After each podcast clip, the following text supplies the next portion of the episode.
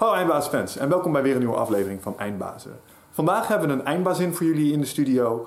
Um, en het is niemand minder als Janneke Willemsen. En Janneke Willemsen ken je misschien van uh, NPO 1, dus Nederland 1, waar ze het programma WNL heeft gepresenteerd. Ze doet tevens een uh, online webprogramma over uh, financiële zaken bij Seven Ditches. en haar eigen website is Beleggen voor Blondjes. Um, Janneke is een uh, expert op financieel gebied. En in deze podcast gaan we met haar in op de details van onder andere beleggen. Alles wat daar mogelijk is en waarom dat een goed idee is voor je oude dag. Evenals een aantal economische ontwikkelingen die er momenteel gaande zijn in de wereld. En wat we eigenlijk verwachten wat dat zal doen met onze maatschappij en de toekomst van onze economie. Veel kijkplezier uh, en tot de volgende. Ja, nog één ding. Uh, neem even een kijkje op nutrofit.nl. Dat is onze eigen website. Uh, Nutrofit.nl sponsort eindbazen. Dus als jij supplementen wil die jou helpen bij optimale stel naar bijvoorbeeld het sporten of voor een stukje extra concentratie op de werkvloer, ga naar onze webshop en bestel daar met de kortingscode eindbazen uh, een van onze supplementen. Eindbazen wordt gesponsord door Nutrofit. De webshop voor natuurlijke voedingssupplementen en trainingsmaterialen die je helpen bij het verkrijgen van Total Human Optimization. Nutrofit is hofleverancier van merken zoals Onnit, Natural Stacks en Bulletproof Coffee. Probeer onze producten zonder risico door onze money back guarantee. Bezoek ons op www.nutrofit.nl. Bestel je voor 9 uur s avonds, dan zorgen wij dat jouw bestelling de volgende dag geleverd wordt.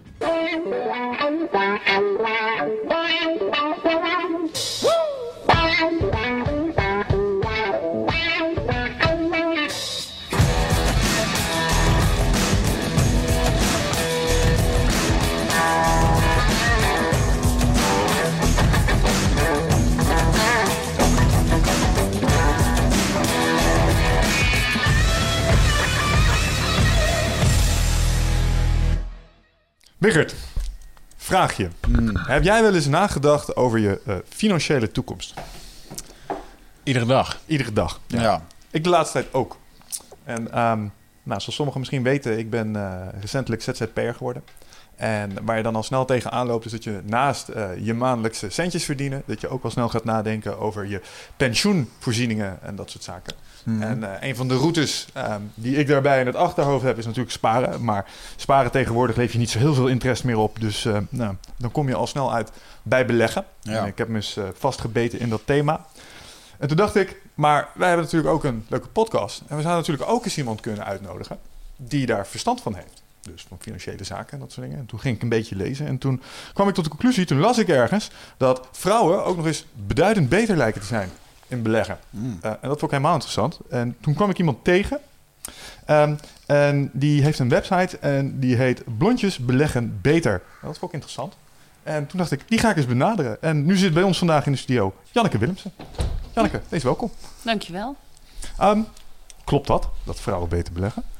Uh, ja, ja, dat klopt. Er zijn allerlei wetenschappelijke onderzoeken die dat bewezen hebben. Dat uh, vrouwen beleggen beter dan mannen. Wauw. Um, we hebben het natuurlijk wel over gemiddelde vrouw. Uh, mm. De vrouw neemt uh, gemiddeld uh, minder risico dan de man. handelt ook wat minder. Als je wat minder aan en verkoopt, dat betekent dat je dan ook wat minder kosten kwijt bent. En kosten die nemen vaak een hele hap uit je rendement. Okay. ze doen beter hun huiswerk. ze beleggen vaak voor de lange termijn. Dus dat betekent dat ze aandelen langer vasthouden, waardoor het ook de kans krijgt om uh, dat je visie dan uitkomt, ook de kans krijgt om te stijgen. Hmm. Dat zijn allemaal redenen. Ze zijn ook minder emotioneel dan mannen. Ja, de, ik wou net ja. zeggen, als je dat lijstje, dat lijstje zo ziet, dat zou bijna dus een disqualificatie kunnen zijn van een lijstje dingen die mannen dus blijkbaar wel sneller doen en eigenlijk gewoon niet al te best practices zijn als het gaat om beleggen. Maar um, dan kunnen we misschien nog wel iets, uh, straks wel iets langer over doorgaan. Um, even naar waar we mee begonnen. Um, zoals ik al zei, ik ben uh, ZZP'er. Ik ben aan het nadenken over mijn uh, financiële toekomst en ook over oude dagvoorzieningen en dat soort dingen. En ik kwam in mijn hoofd al redelijk snel op beleggen uit. als een goede manier om dat te gaan borgen. Nou, jij bent ook ZZP'er. Zit ik daar op het juiste spoor wat jou betreft? Ja, natuurlijk zit je op het juiste spoor. Hoe wou je het anders doen? Ja, weet ik veel. Je, je kunt allerlei pensioen, uh, volgens mij, uh, Ja, pensioen is in principe ook beleggen. Ja? Alleen dan laat je voor je beleggen. En uh, dan heb je een, een belastingvoordeel. dat kan je schelen. en als je geen ZZP'er bent, maar in loondienst... Hmm. dan betaalt je werkgever nog mee. Dus dan is pensioen helemaal interessant om okay. dat wel te doen. en als ZZP'er kan het ook interessant zijn... omdat het helpt je wel om eh, van het geld af te blijven. Hmm. Want dat is voor de meeste mensen vaak heel lastig. Hè? Dan Ja. heb je, neem je je voor van, nou, ik ga nu echt een potje voor- opbouwen voor mijn gebeuren. pensioen. En dan opeens zie je iets leuks voorbij komen. En dan denk je toch van, ja, maar nu heb ik het toch even nodig. Ja, dat snap ik. Ehm, nou oké, goed om te horen sowieso dat we daar dan enigszins eh, op het juiste pad zitten. Maar a- als je dan echt eh, op die manier gaat kijken naar voor je oude dag voorzien. ehm, heel eerlijk, ik heb eigenlijk geen idee wat ik aan het eind van de rit bij elkaar verzameld moet hebben om een redelijk ehm, leven daar te leiden. Zijn dat dingen waar jij wel eens over hebt nagedacht en waar misschien wat best practices in zijn?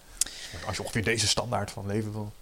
Oh ja, nee, maar dat moet je eigenlijk. eh, het is in, in principe is het redelijk eenvoudig. Maar je moet even bedenken van wat zijn jouw uitgaven? Want ik kan het Mhm. voor jou niet bedenken. Nee. En eh, voor mezelf heb ik het ooit wel eens uitgerekend hoor, wat het zou moeten zijn. Maar weet je, dan zit je dus uit te rekenen, ah, ik verbruik ongeveer, eh, ik geef ongeveer zoveel uit per maand. Eh, dus je neemt al je kosten mee. Maar misschien als ik eh, 67 ben, stel ik wil op mijn 67ste met pensioen, dan wil ik misschien ook wel kleiner wonen. Ja. Dan zijn die kosten misschien wel eh, kleiner. Dan ga ik wat minder vaak uit eten. Dus ik eh, misschien ook wel wat minder vaak op vakantie. Of juist veel vaker. Nou Ja. ja, daar moet je naar kijken. En dan eh, kijk je hoeveel geld jij dan wilt per maand. Dat ga je natuurlijk per jaar vermenigvuldigen. Of, eh, hè, ja, vermenigvuldigen. En dan kun je nog weer eens uitrekenen van hoe lang gaat het je duren, gaat het dus kosten om dat allemaal bij elkaar te krijgen. Wat, was jouw, eh, wat was het bedrag waar je daar zo ongeveer op uitkwam? Ja, ik weet het eigenlijk niet meer. Eh, het is alweer een tijdje geleden, dus ik, ik heb echt geen idee. Nee. Nee.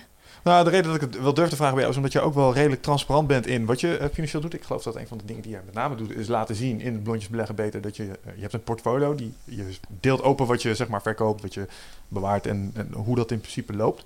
Ja. Ehm, maar er is niet een, een specifiek financieel doel waar je nu heen aan het werken bent. Van, joh, als ik dat maar bij elkaar dan. Nee, want ik ben daar eigenlijk vrij. ehm, nou ja, ik heb dat doel wel. Hè, dat Mm. ik dus eh, inderdaad voor mijn pensioen ook aan het beleggen ben. Maar tegelijkertijd wil ik ook graag alle opties open houden. Ja. Tot nu toe is het me erg goed gelukt om er af te blijven.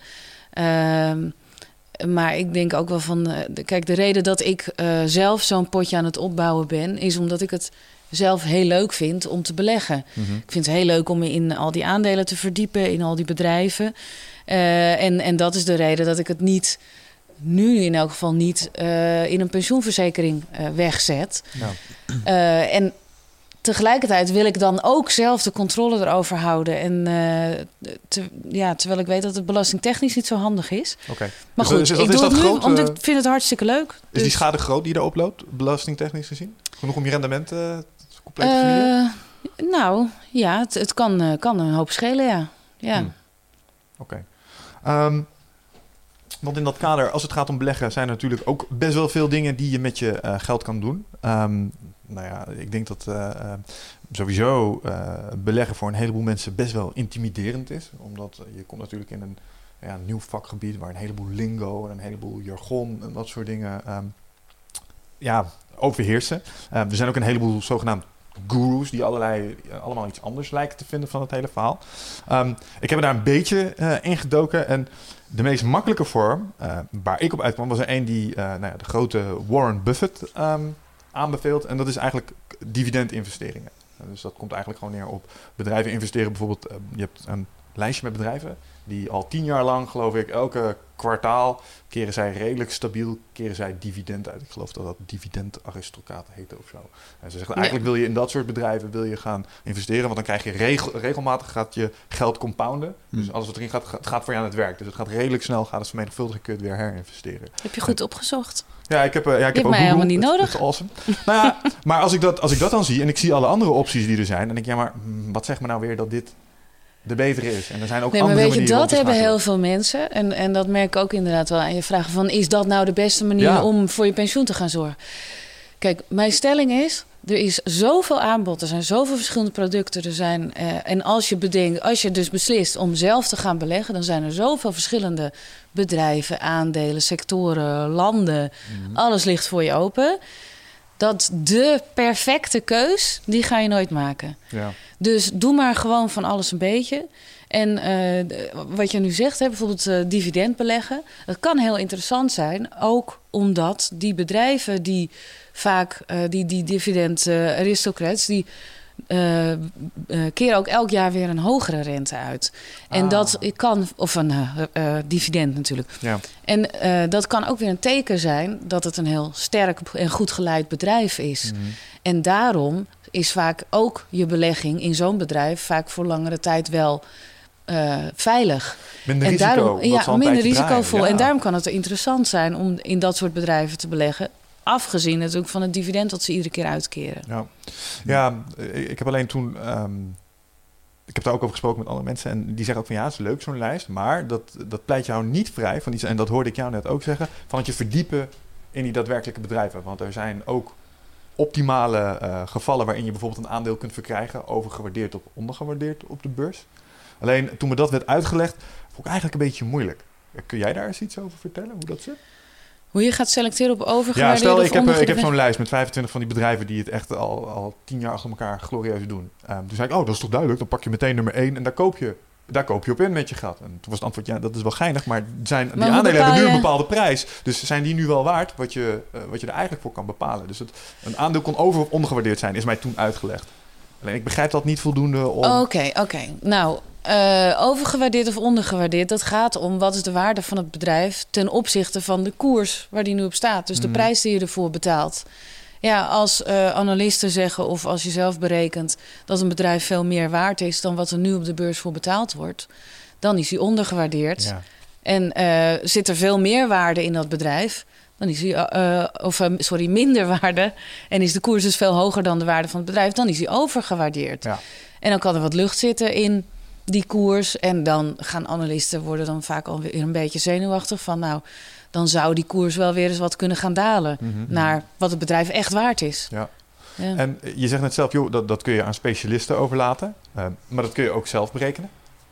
Doe jij dat soort dingen? Kijk je echt naar bedrijven en dan ga je de jaarrekeningen erbij pakken en dat soort dingen. Doe je dat soort onderzoek? Nou, dat doe ik wel, maar eh, niet voor ieder bedrijf wat ik in portefeuille heb hoor. Oké. Dat is, eh, als ik er eens zin in heb, dan eh, ga ik er ook eens mee aan de slag. Ja. En soms krijg je wel eens, weet je dan lees je een verhaal over een bedrijf. Wat, dat zijn ook van die, van die dingen die gebeuren in, in de beleggingswereld. Dat ze eh, analisten die zo'n bedrijf volgen, die zeggen dan: eh, Nou, als we dit bedrijf nou uit elkaar halen, dan is de som der delen is meer waard dan het bedrijf nu. Hmm. Eh, eh, als je hele grote conglomeraten hebt, eh, bijvoorbeeld.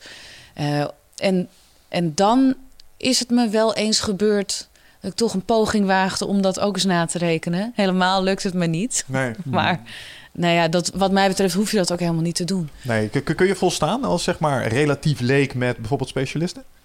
Hoe, hoe werkt dat voor? Als je het niet berekent, is het dan meer een onderbuikgevoel? Of kijk je dan bijvoorbeeld naar een, ik noem wat, een publicatie van, ik weet niet hoe dat werkt, hoe die analisten hun, hun werk deden? Of koop je dat in ergens of zo? Eh, nou, er wordt heel veel over gepubliceerd. En eh, op het moment dat je een beleggingsrekening hebt, eh, krijg je ook vaak van die updates. die staan dan in zo'n nieuwsfeed.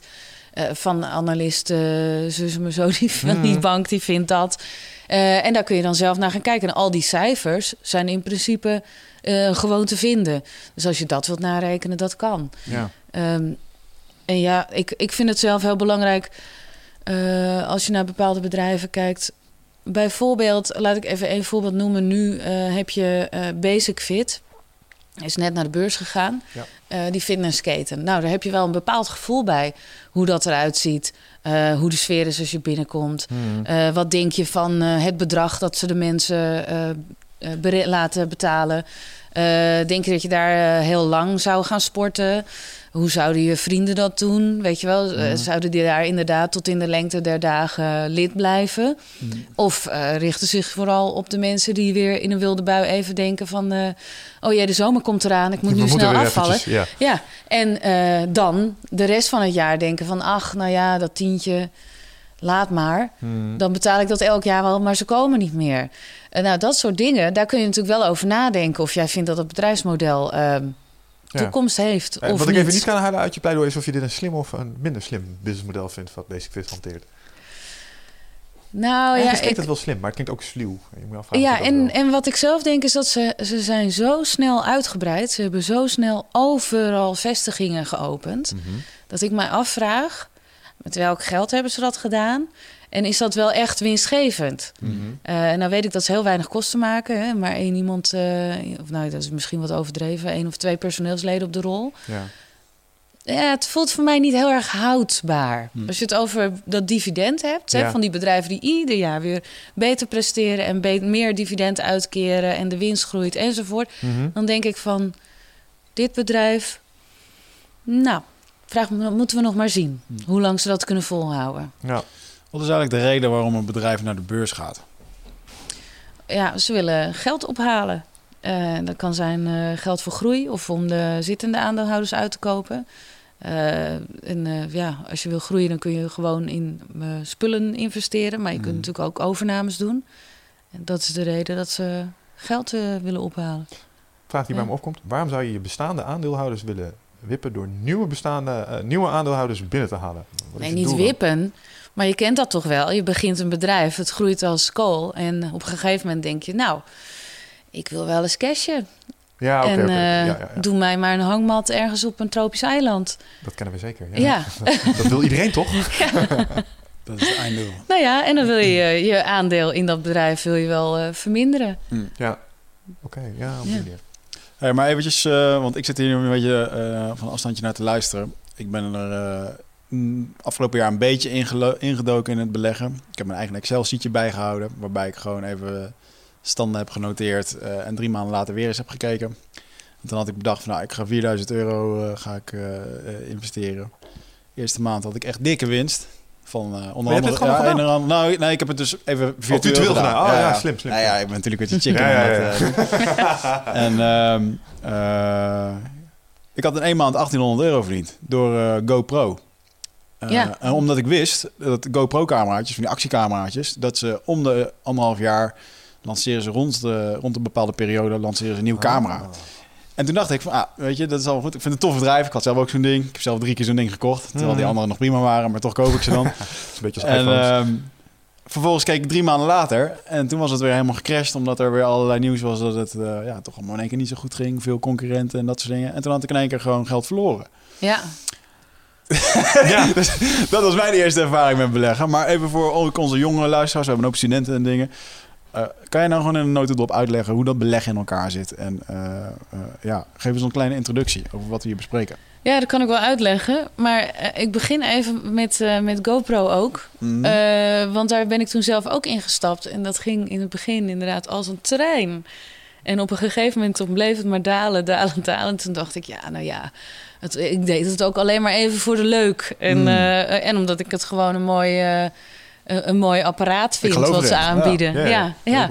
Dus, en, de, en dat kan een prima reden zijn, vind ik, om te beleggen. Want het hoeft wat mij betreft allemaal niet zo serieus. Alleen je moet bij dit soort dingen altijd oppassen dat je niet met al je geld, als je zegt, eh, nou ja, eh, ik kan 4000 euro missen, dat je niet eh, alles in één aandeel knalt. Want dan kan je dus inderdaad zien, Ja. eh, het kan heel goed gaan, maar het kan daarna ook zomaar weer omdraaien. Ja, en ik had dus ook in Google, Nike en ehm, Facebook gedaan. Oké. Facebook was ook iets, was ook wel gewoon goed gegaan. En Google ook.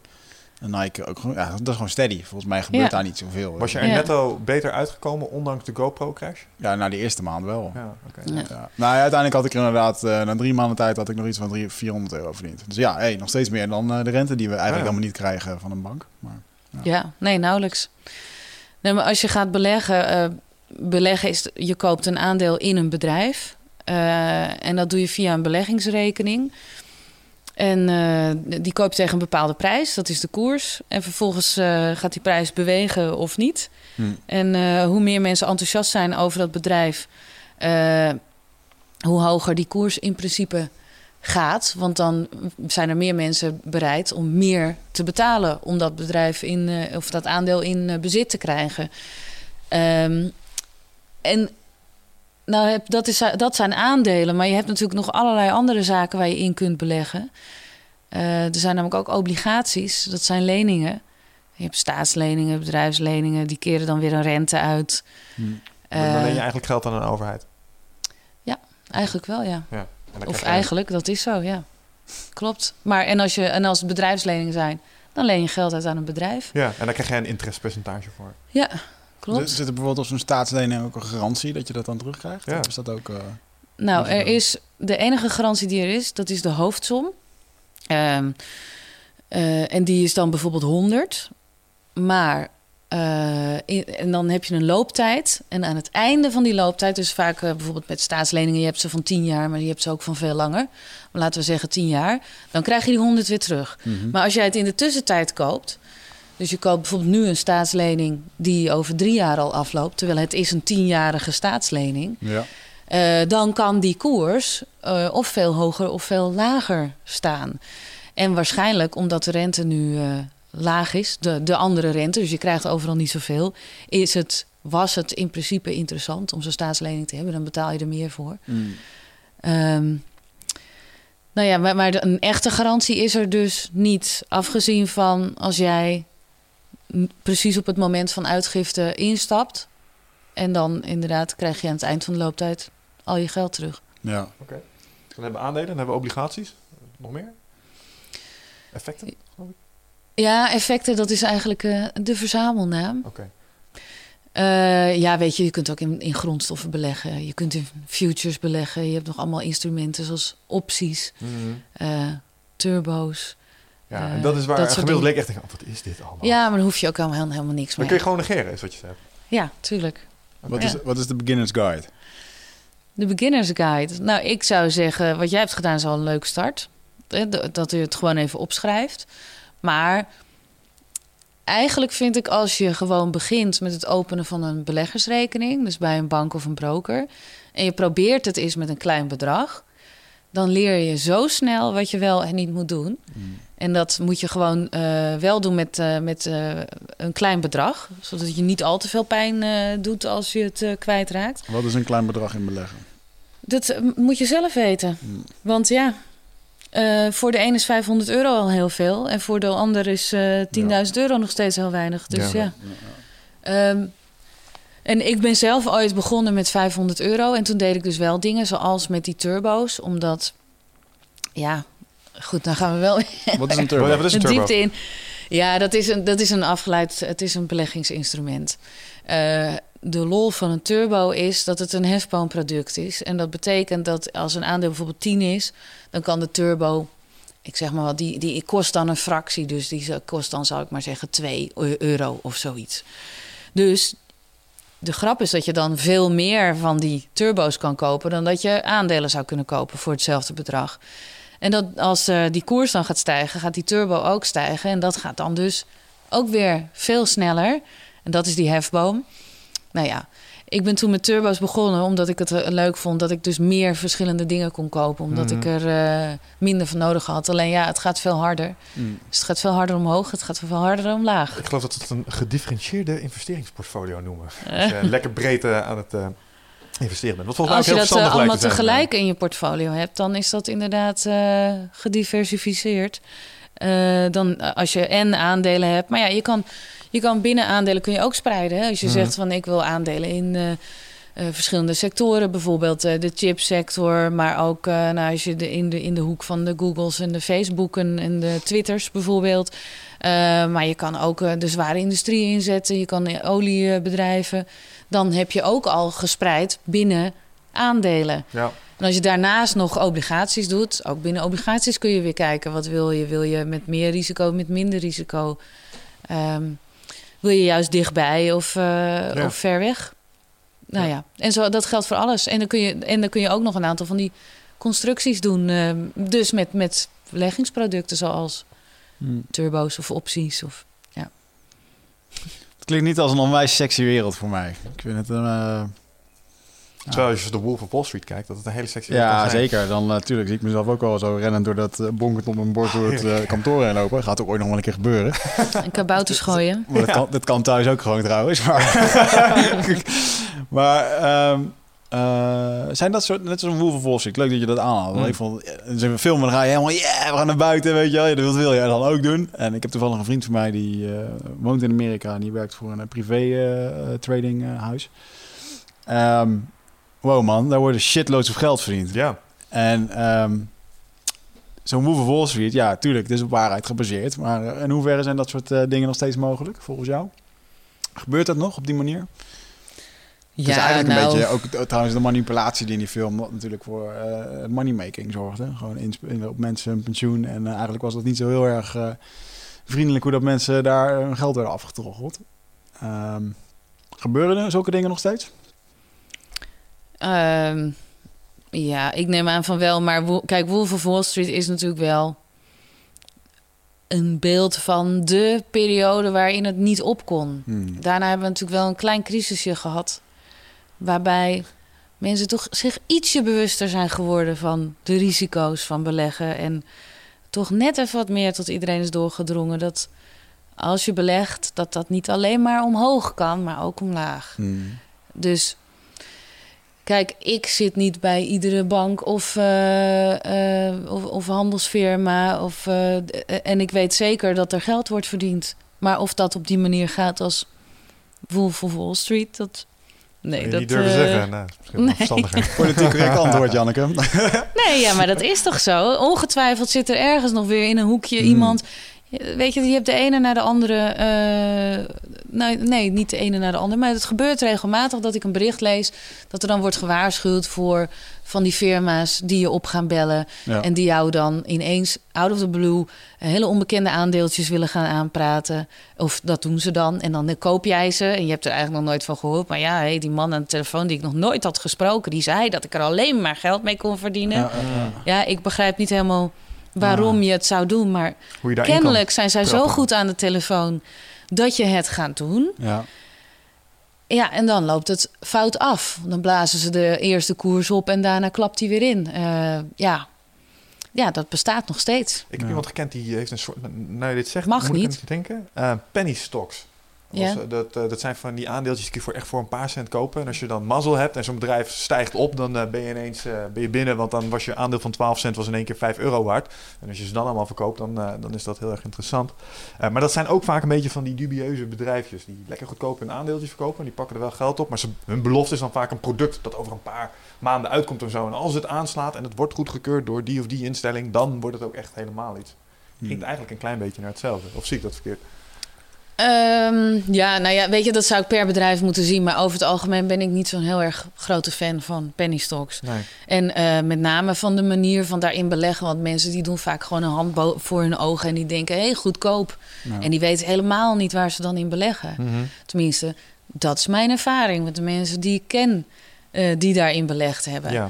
En dat heeft toch veel meer weg van gewoon gokken eh, en zwart of rood kiezen. Dan dat, dat het iets heeft te maken met beleggen en nadenken over, eh, nou ja, wat jij net zegt. Dat je toch zegt van, hé, hey, ik vind dat wel een leuk bedrijf, ze hebben een leuk product. eh, ik, ik zie daar wel wat in. Ja. Ja, dat ik, bij zou het niet aanraden. andere vraag. Want sommigen zouden zeggen dat alles beleggen gokken is en casino-werk is. Maar ik denk dat er toch wel common sense bij komt kijken. Hoeveel procent in, in dit soort... in deze manier met je geld omgaan is kans. En hoeveel is ook echt gewoon... eh, kun je echt wel met slim, gezond beleid kun je ervoor zorgen... dat er niet al te veel schadebronnen wordt als het misgaat. Of is het altijd gewoon uh, kale kant op? Ja, ehm, experts die zullen je zeggen dat dat eh, prima te voorspellen is. Of eh, sommige experts zullen Mhm. dat zeggen. Maar ik ben eigenlijk van dat ik denk, je kan nog, nog zo je best doen. En je kan nog zo door de cijfers heen vlooien. Praten met de CEO, Hmm. praten met medewerkers. eh, als het de supermarkt is, een keertje op het eh, parkeerterrein gaan kijken of in de schappen. Hmm. Of het een rotzooi is of niet. Uiteindelijk kan je toch niet voorspellen waar die koers heen gaat. Nee. Je kunt dat wel beredeneren, maar of dat echt gaat gebeuren, eh, dat is toch wel een ander verhaal. Mm.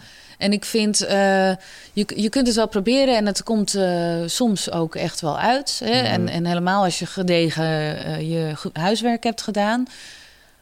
Maar ik vind het eng om daar 100% op te gaan Ja, vertrouwen. nee, dat lijkt me ook uitgesloten. Maar dat is, eh, ja. ja. Maar ik hoor dan wel van die... eh, eh, van mijn bron hè, en die, Hmm. eh, en die private... eh, Inside info.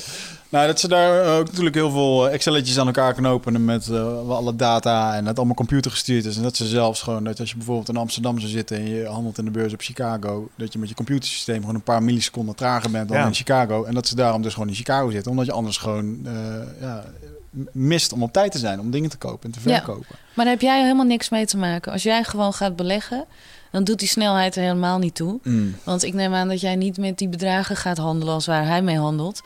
Zeg maar nooit. Nee.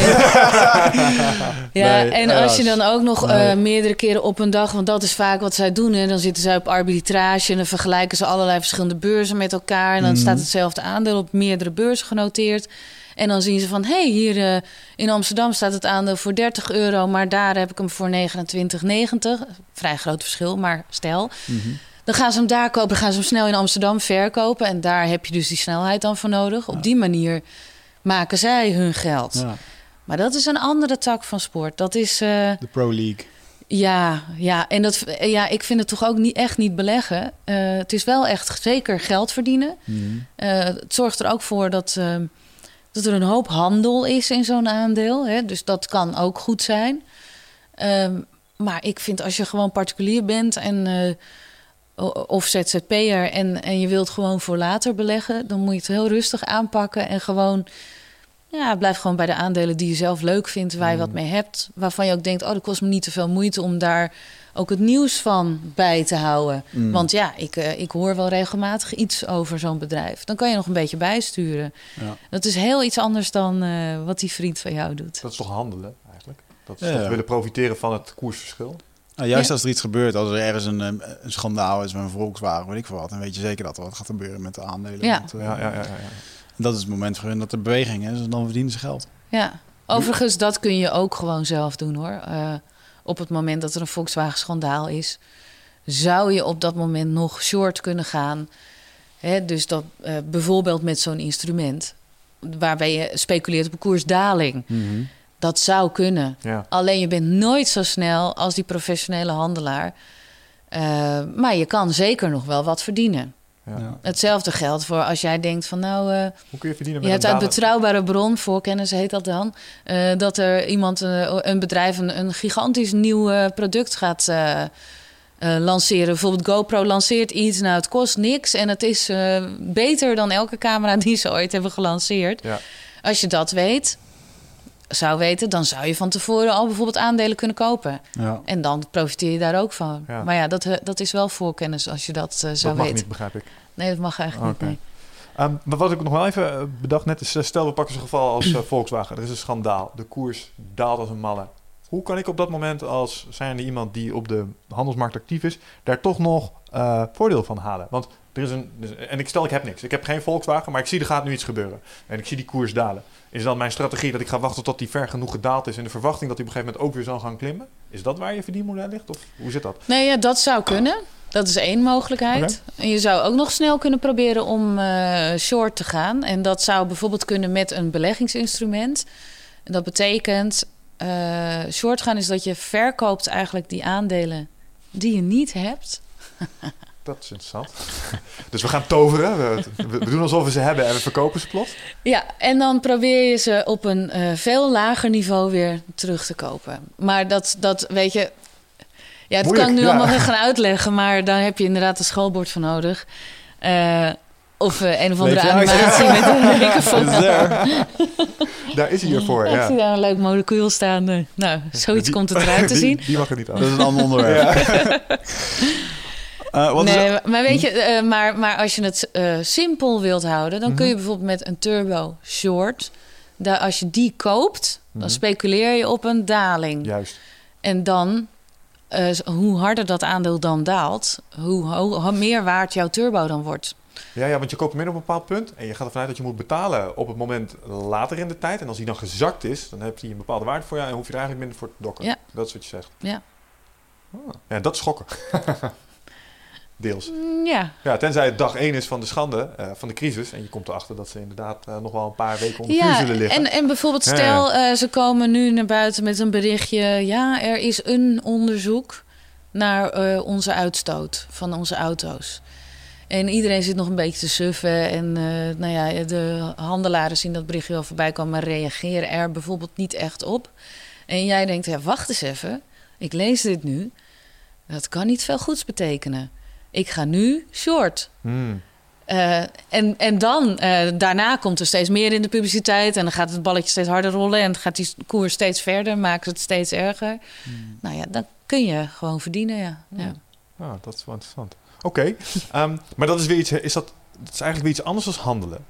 Want ik, ik, ik, worstel nog een beetje met het handelen versus beleggen. Want het aan- en verkopen van aandelen, dat is volgens mij handelen. En vooral het aankopen van een portfolio die dividend genereert, is beleggen. Zie ik het zo goed? Uh, nou, dat handelen, dat is meer uh, in mijn ogen hoor. Dat is meer uh, voor korte termijn. Dus inderdaad steeds in- en uitstappen en ja. snel heen en weer. dat is echt handelen. En wat je nu met dat short gaan doet, is eigenlijk speculeren. Zou je het kunnen noemen. Gewoon je speculeert op een koersdaling. Hmm. En in mijn ogen het woord echt beleggen is dat je gedegen nagaat. Wat is mijn doel? Welke aandelen wil ik hebben? Welke obligaties wil ik hebben? Hoe vul ik dat in? Moeten er ook nog grondstoffen bij, ja of nee? En dan heb je een portefeuille en dan doe je het voor, zit je er voor de langere termijn in. Ja. Dus dat gaat dan wel echt een termijn van jaren, minimaal vijf jaar. En dat is eigenlijk nog relatief kort. Ja, ja bij beleggen moet je wel echt uitgaan van uh, 10 tot 20 jaar. Dat heb ik ooit eens een keer gelezen. Voordat je echt uh, op stoom bent, zeg maar. Ja. En dat het ook echt uh, de dingen die... Dat pas, het passieve inkomen gaat genereren dat je, dat je nodig hebt. Nou ja, en, en uh, wat het voordeel is van een langere termijn bij beleggen... is dat je de kans kleiner maakt dat je geld verliest in die periode. Hmm. Oftewel, de kans is groter dat je geld verdient. Ja. Terwijl als jij maar een heel korte periode... dan, dan, ja, dan kan het ook echt heel, heel hard misgaan. Ja. En hetzelfde voordeel is dus als je niet in één aandeel, maar in meerdere aandelen, niet alleen in aandelen, maar ook in obligaties, dan kan het elkaar allemaal een beetje opheffen. Daarmee vergroot je de kans dat het niet fout gaat. Ja. Wat me telkens als ik over uh, het financiële systeem praat met mensen, wat me altijd opvalt, is dat het zo ongelooflijk complex is. En um, je had het daar straks even over de crisis. Um, en mij is wel eens uitgelegd dat dat voor een belangrijk deel ook kwam, inderdaad, door een stukje onke, onkunde um, van mensen, maar ook een stukje gebrek aan kennis over wat nou eigenlijk wat is en hoe het, hoe het werkt en dat soort dingen. Um, dus gewoon ja, onwetendheid eigenlijk, omdat het zo ongelooflijk lastig is om allemaal te bevatten. Kun, je daar achter scharen? Denk je dat dat klopt? Of denk je dat er een hele andere aanleiding was? Nee, weet je, ik vind het eigenlijk altijd wel uh, bijzonder uh, dat mensen het zo moeilijk te bevatten vinden. Okay. Want ik snap dat wel, maar dat is misschien. Uh, komt dat vooral voort uit het idee dat je alles zou moeten weten. Mm -hmm. En dat denk ik, dat is helemaal niet nodig. Wat je moet weten is wat jij wil, voor welke termijn, uh, hoeveel tijd wil je eraan besteden. En uh, als jij bijvoorbeeld je alleen in aandelen en de werking van aandelen, dat is relatief eenvoudig. Ja. Als je daarin verdiept, dan weet je al genoeg om in ieder geval voor een deel te gaan beleggen. Ja. Dus ja, ik, je helemaal plaatsen. Wat was dan wat jou betreft wel de aanleiding voor het feit dat we daar met z'n allen economisch in onze snuffert zijn gegaan? Nou, kijk, het is ook, hè, als, het, als het daarom gaat, dan denk ik, ja, daar kan je natuurlijk zelf ook een beetje over nadenken. Mensen hebben toen gewoon te veel geleend. Mm -hmm. En dachten kennelijk dat dat zonder gevolgen was. Komt wel goed.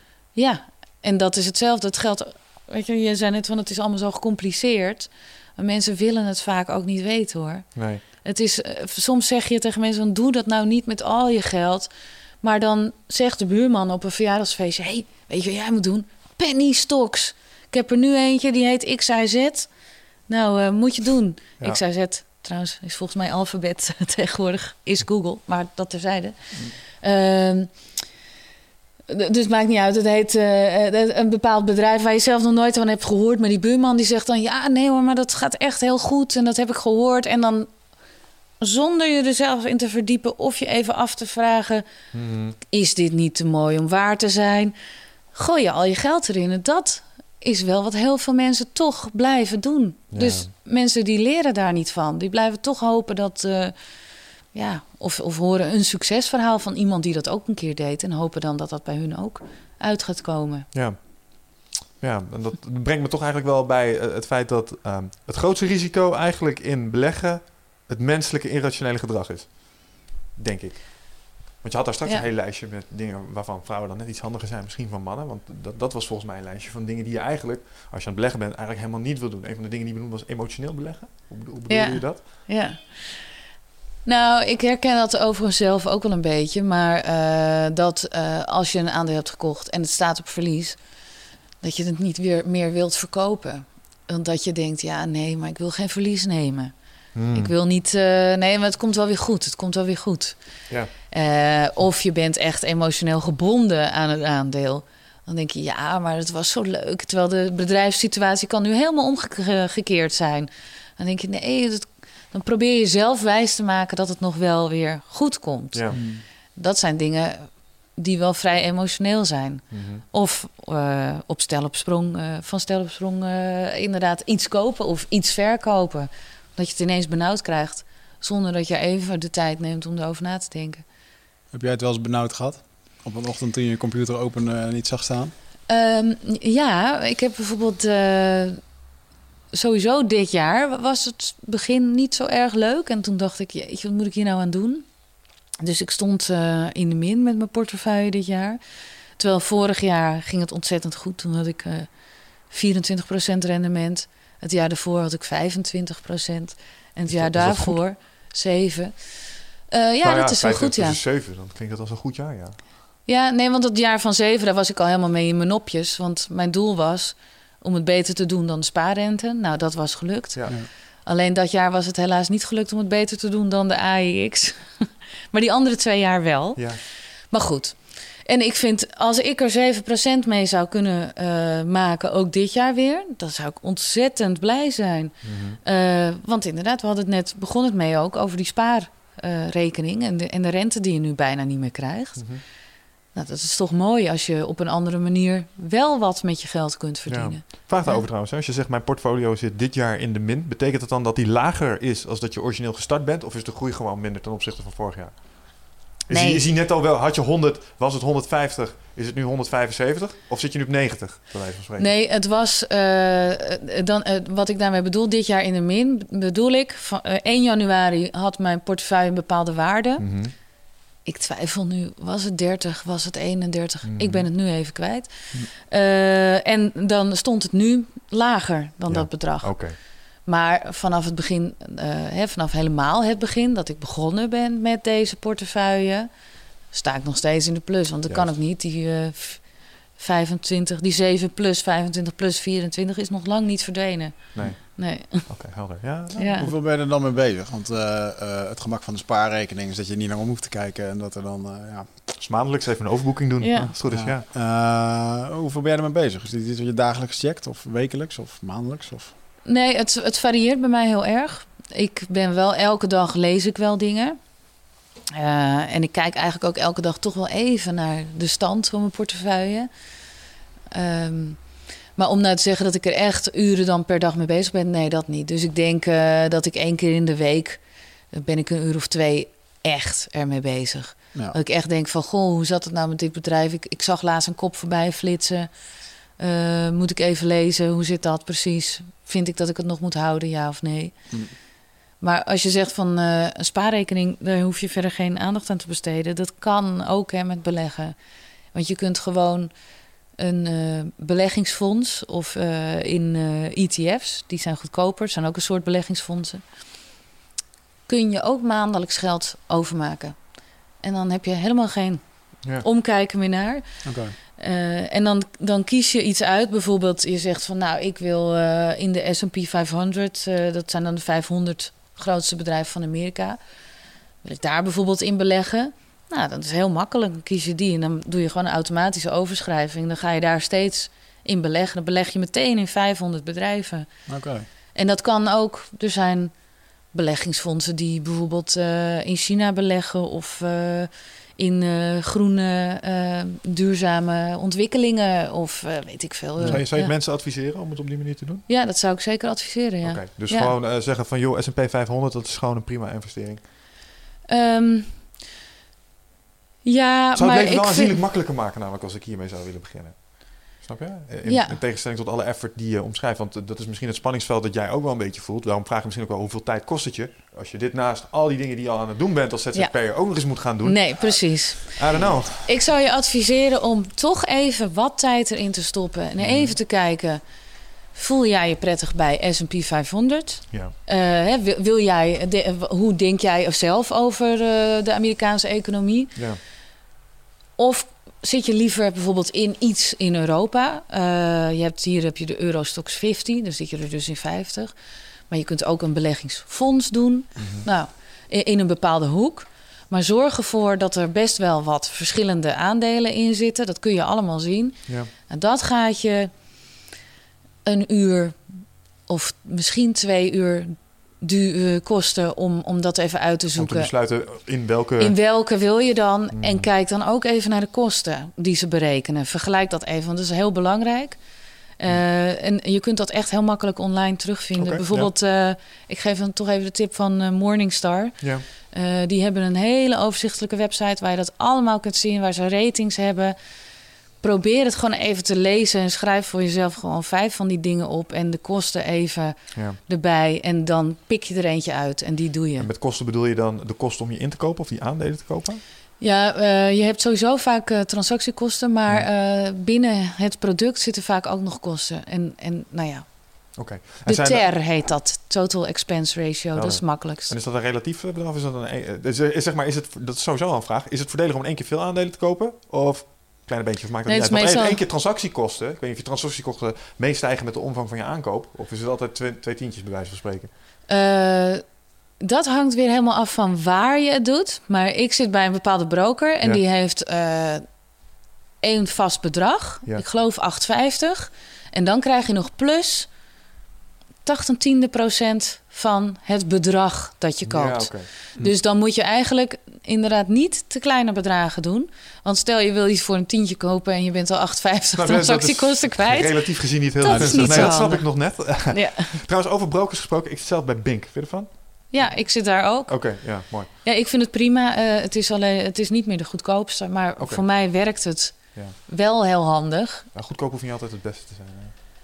Nee, dat is waar. Of is maar dat hier wel zo? Kostenefficiëntie is... eh, het kan is je toch wel een hoop opleveren hoor. Ja. Vooral als je van plan bent veel te handelen. Maar goed, ik handel niet zoveel. Nee, oké. En eh, ik ken het systeem, weet je wel. Ik weet waar ik wat kan vinden. Ik vind het, eh, het werkt prettig voor mij. Wanneer dacht jij, ik ga handelen? Eh, Zo toen je 17 was en in de kroeg stond en dacht van, nou, dit... eh, ik kom geld tekort, we gaan handelen. Nee, nee. Nee, het was eigenlijk pas toen ik... eh, eh, ik presenteerde een online programma over de beurs. Finance Television heette dat. Mm. En eh, daar had ik elke dag twee mensen. Na, namen we ook zo'n soort programmaatje op. Alleen duurde het dan twee keer vijf à tien minuten. Ja. Niet twee uur. En dan sprak ik elke dag met iemand over de actualiteit van de beurs. En het tweede programmaatje, dan gaf die persoon een tip. Dus Hmm. echt, eh, ik denk dat dat aandeel kan stijgen. Als je dat ook vindt, dan zou je dit kunnen doen. En dan soms ook van die optiestrategieën erbij. Of, nou, en eh, dat vond ik wel heel erg leuk. En ik ben eigenlijk vrijwel direct... ben ik toen ook begonnen met eh, wat van dat soort dingen uit te proberen. Hmm. Want ik dacht, ja, als ik het zelf niet doe... dan weet ik ook niet wat mensen die zitten te kijken... voor vragen hebben. En, uh, en, en dat vind ik dan ook, hè, daarom zei ik net ook eh, eerder al, van je moet toch echt met eigen geld gaan beleggen. Want het eh, geeft je zo'n andere kijk dan wanneer je het opschrijft. ja. Want jij hebt er nu een tijdje niet naar gekeken. Maar als dat echt jouw geld was, dan gi- ging je waarschijnlijk toch elke dag even kijken. Even, even spieken. Ja. Ja, Maar dan word je plots een van die mensen... En dat Ik zou het nu kunnen opzoeken. Je zou nu kunnen kijken, ja. Nee, maar dan word je plots een van die mensen die dan... eh, ik maak er nog wel grapjes over als ik, eh, als ik een training mag geven. Er zijn mensen op deze wereld die staan 's ochtends naar RTL 4 te kijken... en dan zien ze van die dingen onderlangs in het scherm kopen. En er zijn mensen op deze wereld, zeg maar die beurskoersen... die hebben daar stress van. Mij zegt het niet zo heel erg veel. Maar op het moment dat je dus eh, aan het beleggen bent... dan gaan die dingen plots dingen voor je betekenen. ja. Kan een Ja. hele interessante start van je dag zijn dan zo af en toe. Ja, ja ik, ik vind het dat het wel wat toevoegt. Maar ehm, ik moet ook zeggen, ik maak me er niet heel erg druk om. Nee. En dat komt omdat ik dan toch vaak denk van... eh, weet je, als ik me benauwd voel... eh, en het gevoel heb dat ik nu, nu, nu, nu, nu van Mhm. dit aandeel af moet... dan denk ik, ja, maar dat is niet handig. Ik ga eerst wat uitzoeken. Ja, En het is vaak toch niet al mijn geld. eh, wat dan, het is maar één aandeel van, van de 12, 10 Hmm. die ik dan heb. Ehm, en dan denk ik, nou, even wachten tot de grootste paniek voorbij is. ja. Dus dat Oh. is misschien, misschien ben ik daar wat te, cool in nog. Ja, of ik weet, weet niet. Denk je dat het je... Tot eh, nu toe gaat het wel goed en kost het mij niet zoveel energie. Eh, maar het zou natuurlijk kunnen dat het op een gegeven moment echt helemaal verkeerd gaat. ja, en dat ik, ja, ja, maar ja, op de een of andere manier heb ik dat gevoel niet. Nee. Nou, dat is mooi. Maar dat komt misschien ook omdat je natuurlijk hè, door de ervaring die je hebt, onder andere als eh, presentatrice bij dat specifieke programma, toch ook wel enigszins weet waar je mee bezig bent. Of in ieder geval de fundamenten goed begrijpt. Ik ben wel even bij het volgende. Ehm, jij hebt meer eh, dingen in dit kader eh, gedaan als zijnde presentatrice. De- Ook iets waar je mee bezig bent was Seven Ditches, volgens mij. Ja, Wat is dat klopt. precies? Ja, Seven Digits is een online tv-station voor ondernemers. Oké. En verschillende presentatoren nemen daar eh, hun eigen programma's op. Eh, en eh, Eigenlijk zijn het podcasts. eigenlijk zijn het podcasts, ja. Maar ja, video on demand is het dus. Ja, oké. Oh, het businessmodel is dat je betaalt voor de video's of iets dergelijks. Nee, Het is gewoon gratis. nee. Ja, want het Gaaf. is van ondernemer Ronnie Overgoor, die is dat gestart. Hm. En ehm, sorry, ik- ben misschien niet een beetje een bebaarder, maar wie is Ronnie Overgoor precies? Waar, waar kan ik hem van kennen? Dat weet ik niet. Gewoon zo'n ondernemer die het gestart is. Hij is dit, hij is dit gestart. Hij is ook dagvoorzitter. Hij heeft ooit een internetonderneming gehad. Ik weet niet of jij die kent. Nee, nee, nee. ja, Dan maar- Google hem maar even, Ja. dan weet je wie het is. Nee, en hij, hij is dat gestart. En eh, eh, gewoon omdat we, hij, maar ook iedereen die er verder aan meewerkt natuurlijk... eh, ook boeiende gesprekken met ondernemers wilde leveren. Ja. En elke presentator heeft zijn eigen, zijn eigen aandachtsgebied.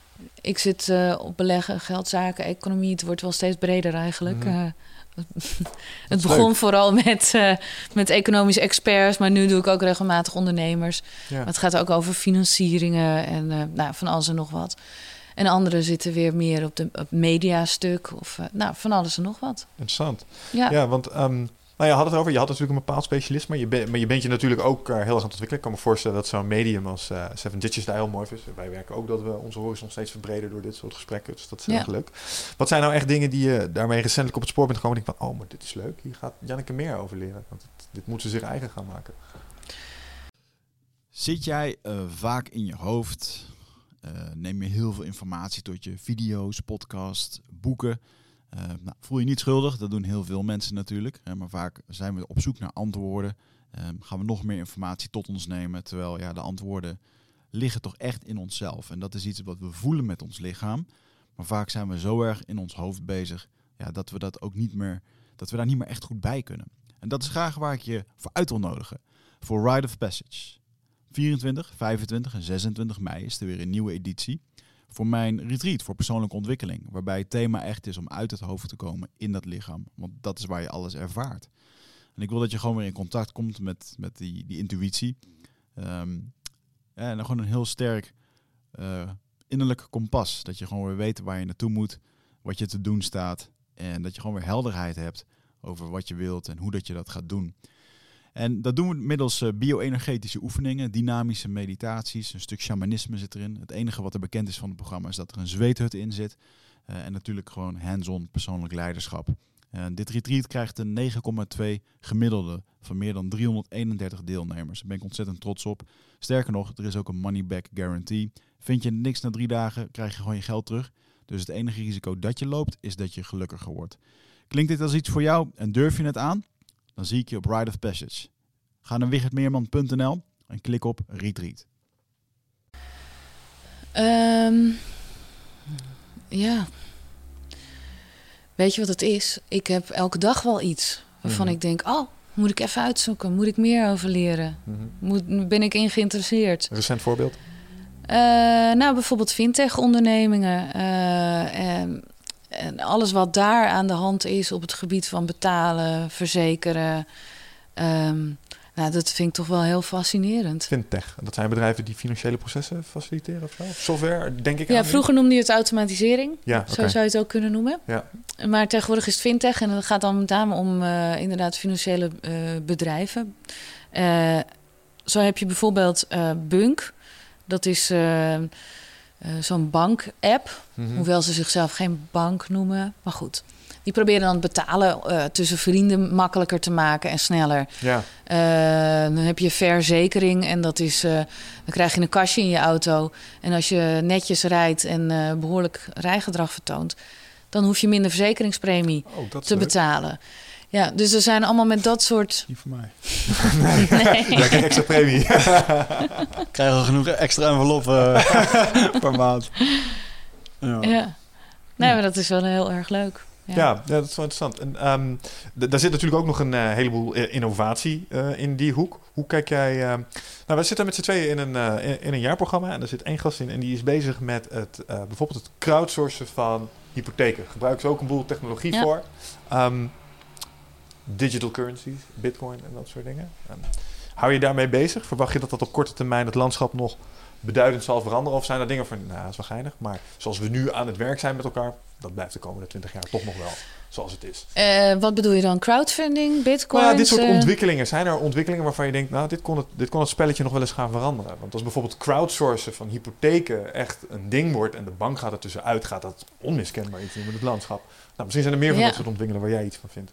Ja, nou, want eh, inderdaad, voor het gebied, eh, op het gebied van hypotheken, ik Mm. weet dat er eh, is ook, die heb ik ook ooit bij Seven Teachers gehad. eh, bij bouwen hypotheken, die leven, laten dan heel snel zien of je een hypotheek kunt aanvragen of niet. Ja. Of, of tenminste, hoeveel hypotheek je kunt krijgen.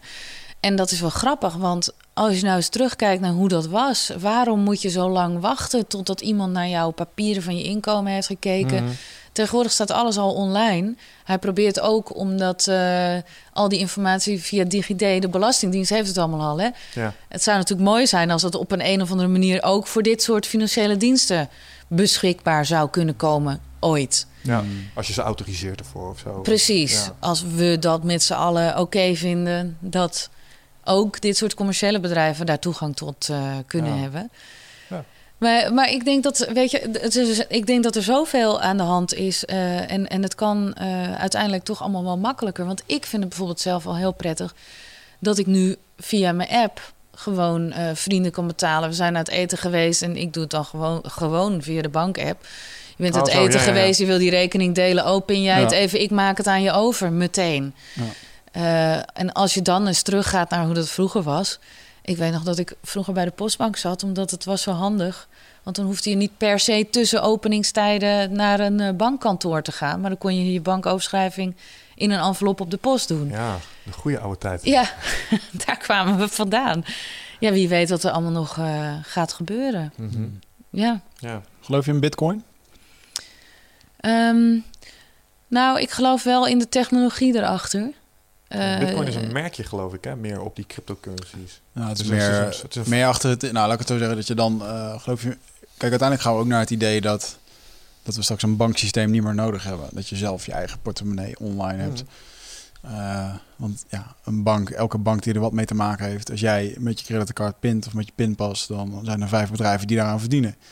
De ontvangende bank, de bank waar het heen gaat... de creditcardmaatschappij die erboven hangt... de acquire, zoals ze dat dan noemen. Ehm, het is wel fijn als dat gewoon in eigen beheer kan. Als ik gewoon direct naar jou toe... eh, echt mijn geld echt naar jou toe breng. En dat Ja, eigenlijk alsof je een schatkistje bij je Ja. hebt waar, waar je muntjes in zitten. ik heb helemaal geen bank... Eigenlijk, Ja. waarom zou ik een bank ervoor nodig hebben?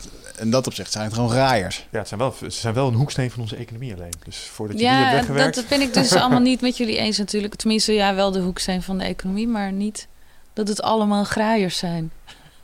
Ja, ik kom toevallig zelf uit de financiële wereld. ik ben misschien, ook een misschien heb ik een selectieve perceptie, maar... eh, Maar eh, uh, verklaar, dat, ja? verklaar dat eens, want een van de dingen die je eh, misschien als burger wel ten onrecht hebt, is dat al die financiële instellingen zijn er allemaal op één ding uit, namelijk winstmaximalisatie. En Ja, daarmee en hoe gaan is ze het- over de rug van de burger. En zijn supermarkten dan ook graaiers?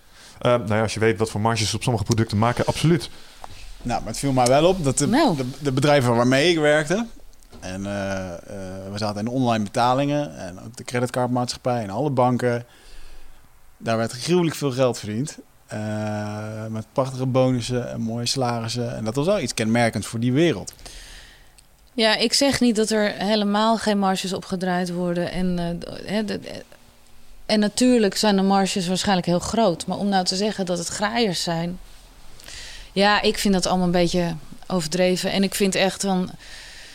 ehm, he- het is een bedrijf. Een bank is een bedrijf. Het is Ja. geen sociale Ja, ja, instelling. Het is niet. eh, eh, dat hebben we met z'n allen zo bedacht ooit. Daar zit dat in. Eh, dat, wel. dat, ja, daar moet winst op gemaakt worden. Je ziet wat er gebeurt als ze geen winst maken. Dan worden sommigen nog gered. Ja. Maar ja, het kan ook verkeerd gaan. En weet je, ik denk dan van dat, dat is gewoon hun werk. Het werk is met name, eh, overigens van centrale bank natuurlijk. Ehm, maar eigenlijk alle banken die zouden daaraan mee moeten werken. Het is natuurlijk niet feilloos helaas. Maar die moeten het vertrouwen in die munt, in dat geld. Dat als jij eh, iets aan mij overmaakt, dat daar daadwerkelijk waarde tegenover staat. Dat moeten zij kunnen garanderen. Zij moeten voor dat vertrouwen zorgen. En dat is, als je het hebt over eh, bitcoin en, eh, en blockchain... Mhm. eh, dat is waar, waar blockchain zo goed in is. Want die eh, snijdt straks al die extra eh, autoriteiten eruit. Want die zijn niet meer nodig ja. om te kunnen zeggen van dit is echt wat waard. Want dat doet dat algoritme, ik weet niet of het zo heet, een algoritme trouwens, maar goed, die technologie erachter, die doet dat zelf al. Wat, doet dat, wat doet die technologie precies zelf? Nou, die kijkt precies of eh, als jij mij geld overmaakt, of eh, daar inderdaad echt waarde tegenover Ja, ja, ja, staat, ja, ja, ja. of nee. Eh, dus dat ik inderdaad eh, in jouw betaling vertrouwen kan hebben. Ja. Eh, en dat, dat dat wat waard is. Want uiteindelijk, het is natuurlijk helemaal niet meer tastbaar nu. Het, eh, het is allemaal eh, Op basis van goed nulletjes en vertrouwen eentjes. eigenlijk. Ja, Ja, ja. ik geloof in dat opzicht dat... eh, volgens mij zijn er een aantal landen die hun goudvoorraad nu ook gewoon hebben... Ze hebben hem niet meer, zeg maar. Vroeger was het zo dat eh, eh, een, zeg maar de bank die had een hoeveelheid goud en Nog dat stond voor het geld. Ja, maar volgens mij zijn er nu gewoon landen die laten dat gewoon varen. Gewoon, ja, we hebben nog aan het goud, want het is... Het staat echt niet meer even. Het staat niet meer in verhouding tot wat er digitaal. eh, ja? De dat meeste ja. landen hebben die goudstandaard losgelaten. Ja. Hoor. Ja, ja, dat klopt. En dan eh, moet er nog wel een klein percentage dekking eh, ergens tegenover staan. Maar Ja, dus Fort Knox is niet meer wat het geweest is, denk ik. Knox, ja. Fort het Knox, ja, daar, stond al het goud destijds, volgens Ja. mij. Eh, waar bewaren wij dat eigenlijk? De Nederlandse bank, volgens mij. Amsterdam is ja, dat ook, hè? en dat is ik groot- dacht dat wij ook eh, een deel in de kelder van de Fed in New York hebben liggen. Oké. Waar je trouwens een tripje langs kunt maken om al het goud te, Te zien zien, liggen. heb je dat gedaan? Dat heb ik geprobeerd, maar helaas, ik kon er niet meer bij eh, die periode. Het was, het was allemaal uitverkocht. Ja, toch wel grappig. Ah, Niet het goud natuurlijk, hè? Nee, dat snap ik. Voordat Eh, we nu een paniek creëren. ja, nee. Eh, Ik weet niet of jullie dat, eh, of je dat ook hebt, maar toch, wat is het in goud dat als je een heleboel goud bij elkaar ziet, dat je toch ziet van, wauw, Is het gewoon het feit dat je weet dat het voor die monetaire waarde opgevoed eh, ja, met dat is dat goud is. Maar als Dat ik dan denk aan zo'n scha- zo'n zo'n ruimte vol met goud staan, dan denk ik, oh, wauw, ik wil het allemaal hebben. Ik heb nog wel eens wat eh, zaken gedaan met het eh, munthuis in Amsterdam. Of in Ah, ja. eh, Utrecht. En daar bewaren ze volgens mij... eh, of dan kan je goud kopen. Dan Hm. zei hij dat hij dat best wel... Best, een- ja, best een solide investering is, omdat het goud regelmatig, of tenminste een vrij vaste waardering had. Dus er waren gewoon mensen die kochten dan een goudblok voor eh, x duizend euro. Ja, En dan- En die leg je dan onder je bed, just in case. Ja, When the shit hits hopen the dat hij niet smelt. Ja. maar is dat, is dat zo? Is dat nog steeds zo of niet? Is investeren in goud nog steeds een... eh, nou ja, de- weet je, de goudprijs heeft juist een enorme dip achter de rug. Het leek alleen maar duurder te worden, maar die prijs is naar beneden geklapt. En het begint nu weer, sinds begin dit jaar, begint dat weer op te, op te lopen. Dus het is een goed moment om te kopen eigenlijk. waarom krijgt de Ja, goudprijs in één nou, keer een klap ja. dan? Ik, ik vind het heel moeilijk eh, om dat te voorspellen hoor, hoe dat met Ik heb goud geen idee hoe het zich gaat ontwikkelen. Kijk, goud, eh, in principe wordt goud meer waard op het moment dat er meer onzekerheid in de wereld is. Omdat dat is dan die veilige haven, inderdaad. Dat goudblok in je achtertuin of onder je bed of zo. Van nou, dit bewaart ze, Ja. Houdt altijd zijn waarde wel. Alleen, ja, je kan toch niet zeggen dat het de afgelopen tijd zo stabiel was allemaal in de wereldeconomie. Hmm. En ehm, Nee, maar die stabiliteit Ja. waar jij naar refereert is volgens mij eh, de stabiliteit als bijvoorbeeld... Stel, ehm, stel de Russen vallen binnen. Snap je? Dan gaan, gaat alle vertrouwen in monetaire systemen en zo dat gaat eruit. En dan wordt goud plots weer een ruilmiddel. En, en dan krijgt het zijn waarde weer. Dat is volgens mij waarom mensen het willen. Voor het geval de hele ja, poespas in elkaar stort. En dat je dan weer moet gaan ruilen zoals vroeger. Dan, dan Ja. is goud handig volgens mij. ja. Hmm. Maar ook bijvoorbeeld in India, hè, eh, en er zullen vast meer landen zijn, maar daar krijgen vrouwen ook eh, eh, hun bruidschat mee als eh, gouden sieraden. En eh, als die bevolking daar zo enorm groeit, dan wordt de vraag naar eh, goud neemt daar ook dus weer de door prijs. toe. Ja, Hmm. Nou ja, dat zijn allemaal van die factoren. En voor hoeveel die nou precies meewegen, dat weet ik niet. Hmm. Eh, ook, ook de hoeveelheid goud die er nog gevonden wordt in de grond.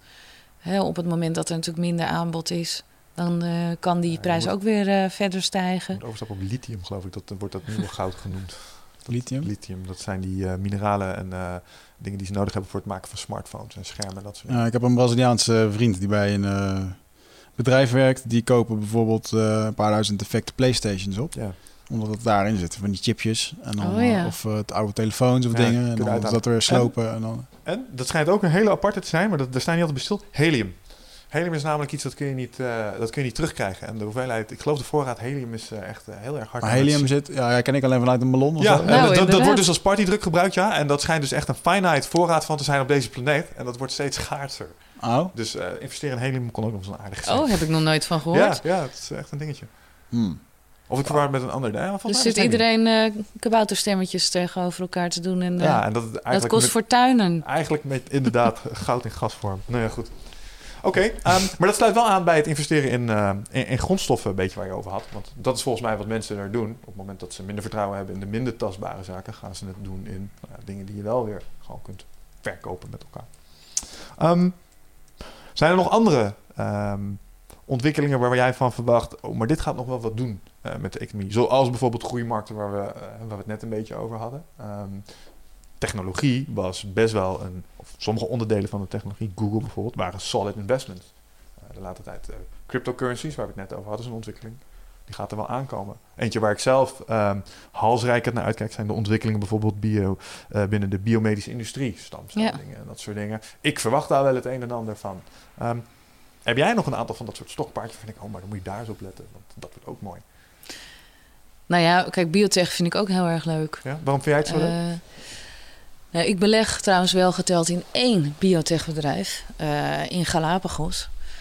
Of, of all places?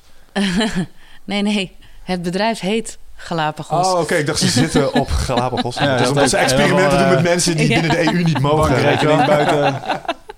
Ja, dat had, had gekund. Had gekund, ja. Maar dit bedrijf is toch wel anders. Die houdt zich check. prima aan alle regeltjes. Eh, ze zijn eh, van oorsprong eh, zijn eigenlijk een afsplitsing van Crucel uit Leiden. En zijn, hebben zich toen in België gevestigd. maar zijn nu ook weer in Amsterdam beursgenoteerd. Oké. Het is een bedrijf waar ik ooit contact mee heb gekregen. Ook door zo'n interview bij dat programma wat ik destijds presenteerde. En in het begin, ik snapte er helemaal niks van. En het komt eigenlijk neer op dat ze ook een soort van eiwitten detecteren. Nou ja, goed, daar moet ik me eigenlijk niet aan gaan wagen Ja, om dit allemaal te gaan vertellen. Eh, nee, maar dat, dat, dat, waarschijnlijk zeg ik dat dan precies verkeerd. Ja. Maar in ieder geval zijn ze bezig met de ontwikkeling van allerlei medicijnen. Bijvoorbeeld tegen reuma of tegen uh. Ah, ja. En dat zou wel fantastisch zijn, want ze zijn al heel ver. eh, vooral met dat reuma-medicijn. Maar de thijslijm hebben ze ook wel weer resultaten geboekt. Maar vooral met die reuma. eh, op het moment dat dat nou op de wereld, eh, op de markt kan komen... dan zijn er zoveel mensen mee geholpen. Mhm. En dat vind ik wel, ja, dat vind ik gewoon super interessant. Eh, Maar is dat dan super interessant omdat je die mensen er deels ook mee helpt? Of is het dan super interessant omdat je weet dat het een groeiproduct zal zijn en dus er financieel Ja, beide, beide. Ja, mag Ja. ook wel. maar ik vind het wel, kijk, ik ken een aantal mensen die een soort reuma hebben. Mhm. Eh, en die, ja, weet je, dan, dan heb ik dat beeld daar wel bij dat ik denk van, oh, dat zou zo heerlijk zijn als ze Ja. daar geen last meer van zouden hebben. Als het echt zou werken, eh, dan ja, Hm. dat lijkt me gewoon fantastisch. Maar als belegger kijk ik natuurlijk vooral ook. Het zit, kijk ik vooral naar wat, wat dat zou kunnen gaan opleveren. Mhm. Maar voor mij maakt het extra leuk. Kijk, waarom zou ik in een bedrijf beleggen waar ik niks mee heb? Als ik denk, ja, dat maakt heel veel winst, maar ik vind het een stom bedrijf. Ja, Nee, dan kies ik liever voor iets waarvan ik denk, hé, hey, waar je beter bij voelt. die zijn ook nog eh, met iets bezig waar ik achter kan staan. Ja. En in datzelfde kader heb je natuurlijk... eh, reuma staat heel dichtbij en het is als je daar dingen doet. Denk jij ook ehm, in termen van duurzaamheid? Van, joh, we zitten hier op een eh, planeet. Ja, maar veel te weinig. Ja. Veel te weinig. Ja, zo, ik zit nog steeds in Shell. En iedere keer neem ik me voor... Het ging ook wat slechter. En er waren, waren... Nou ja... En elke keer neem ik me dan weer voor, nou, nu ga ik toch eens uitzoeken, nog eens een keer goed uitzoeken wat ze nou van plan zijn op het gebied van duurzaamheid. Ja. Want ik weet dat ze een aantal jaren geleden hadden ze grootse plannen. Op een gegeven moment hebben ze dat weer een beetje in de ijskast gezet. Toen werd uh, ja, toch maar weer vooral inzetten op dat fossiele. Hm. En eigenlijk heb ik het idee dat ze nog steeds niet zo heel erg veel aan duurzaamheid doen. En, uh, ze zijn hun cash cow aan het opmaken, stel ik me zo voor. Ja, maar ze moeten uiteindelijk natuurlijk toch iets, hè? Ja, ik kan me niet voorstellen dat, uh, weet je, op een gegeven moment raakt het wel eens op. Hoewel Misschien gebeurt dat ook niet, want uh, een aantal jaar geleden hadden we het allemaal over peak oil en uh, daarna zou het op zijn. Kon je geen autobanden meer maken, want er zou onvoldoende olie ja. zijn. Dat, ja, ja dat is nog niet gebeurd. Dus de ijskap bij Siberië, die begint nu ook allemaal weg te uh, smelten. Ja. Waardoor gewoon nieuwe... Er zijn nu al vlaggen die worden gezet door Rusland en door Amerika. Zo van, ja. ja, great. Dus we, eigenlijk wat er gebeurt is, we vernielen de planeet. Daardoor komen de plekken beschikbaar waar we nog meer olie kunnen vinden, zodat we het nog verder... Ja, ja we kunnen nog een Mensen paar, zijn we kunnen nog een paar generaties doorklooien. Maar goed, ik heb wel de hoop en eigenlijk ook wel het vertrouwen dat we iedereen is bezig met die switch te maken naar duurzamere initiatieven, mm. op een betere manier met je uh, hulpbronnen omgaan. Uh, en beter voor het milieu. Ik heb wel het idee dat dat is ingezet. Alleen het moet makkelijk zijn voor mensen. En bijvoorbeeld, kijk je naar Tesla, want daar, ben ik, daar zit ik ook in mm belegd. Tesla heeft dat, wat mij betreft, heel slim gedaan door gewoon een super mooie auto neer te zetten. En oh ja, hij was ook nog elektrisch. Ja. Kijk, dan ga je liever, weet je, dan wordt het ineens een auto waar je heel graag in wilt rijden. Ja. Uh, in plaats van dat je inderdaad in de Prius, dat ra die rare vorm, dat iedereen toch een beetje besmuikt achter de hand zit te giechelen van. Uh... Even zo'n boomknuffelaar. Ja. ja. ja, want dat is wel waar. Want de Prius associeer je daarmee en Tesla associeer ik met ICT-ondernemers. Ja. Wat, wat qua branding heel sterk is natuurlijk. Maar ook, weet je, ik heb dus elke keer... Ik heb eigenlijk niks met auto's. Ja. Maar iedere keer als ik word ingehaald en ik denk van... Uh, hey, dat, volgens mij is dat een hele mooie auto. Dan, oh, is het weer een Tesla. Die Tesla's zijn echt mm. awesome. Er zijn nu, ja. laatst was er um, op het internet was er een filmpje van een gast die in de file stond. En die reed naast een Tesla. En die bestuurder van die Tesla, die had hem op autopiloot. En lag gewoon slapen in de auto in de file. En die auto die reed voor Dat kan nu al. Dat, kan nu al. Ja, dat doen ze. En dat is prachtig. Dat is wat je wil volgens mij. En um, ze gaan zelf nog een stapje verder. Ze rusten die dingen helemaal uit tegenwoordig met... Uh, ik geloof dat ze een bio, een bioweapon module noemen ze dat. Die auto's die zijn zo geïsoleerd dat stel jij zou in een mosterdgasaanval terechtkomen, dan filtert die al die Ideaal. shit. Ja, of je rijdt door een gebied waar ebola is, ik noem maar iets. Dat je in die auto gewoon echt veilig uh, bent. Ja, lekker. En hoewel je je afvraagt wat je ermee moet in de westerse maatschappij, zijn er toch wel weer. Uh, wat ze er heel erg in doen, is allerlei technologische hoogstandjes verwerken ze erin. En daardoor wordt dat apparaat heel cool. Ik bedoel, als je erin stapt, het is ook gewoon een soort ja, ruimte space shuttle. Ik bedoel, de interface en de en zo, dat ziet er allemaal heel mooi uit. Dus uh, dat nou, moet ik wel zeggen, ik heb wel eens uh, in een Tesla gereden. Was heel leuk, mocht een proefritje erin maken. Mhm. En uh, uh, ik was heel erg onder de indruk ook van hoe die optrekt. En dat schijnt dus iedere elektrische auto te hebben. Ja. Dat, dat je trekt op, het is echt van uh, 0 naar 110, weet ik veel. Je voelt jezelf een halve seconde. in de auto gedrukt, ja. Ja, ja dat, was, dat gaf wel een beetje zo'n ruimtevaartgevoel. Maar ik vond wel dat e-, die enorme, dat enorme computerscherm, een soort reusachtige iPad. Super.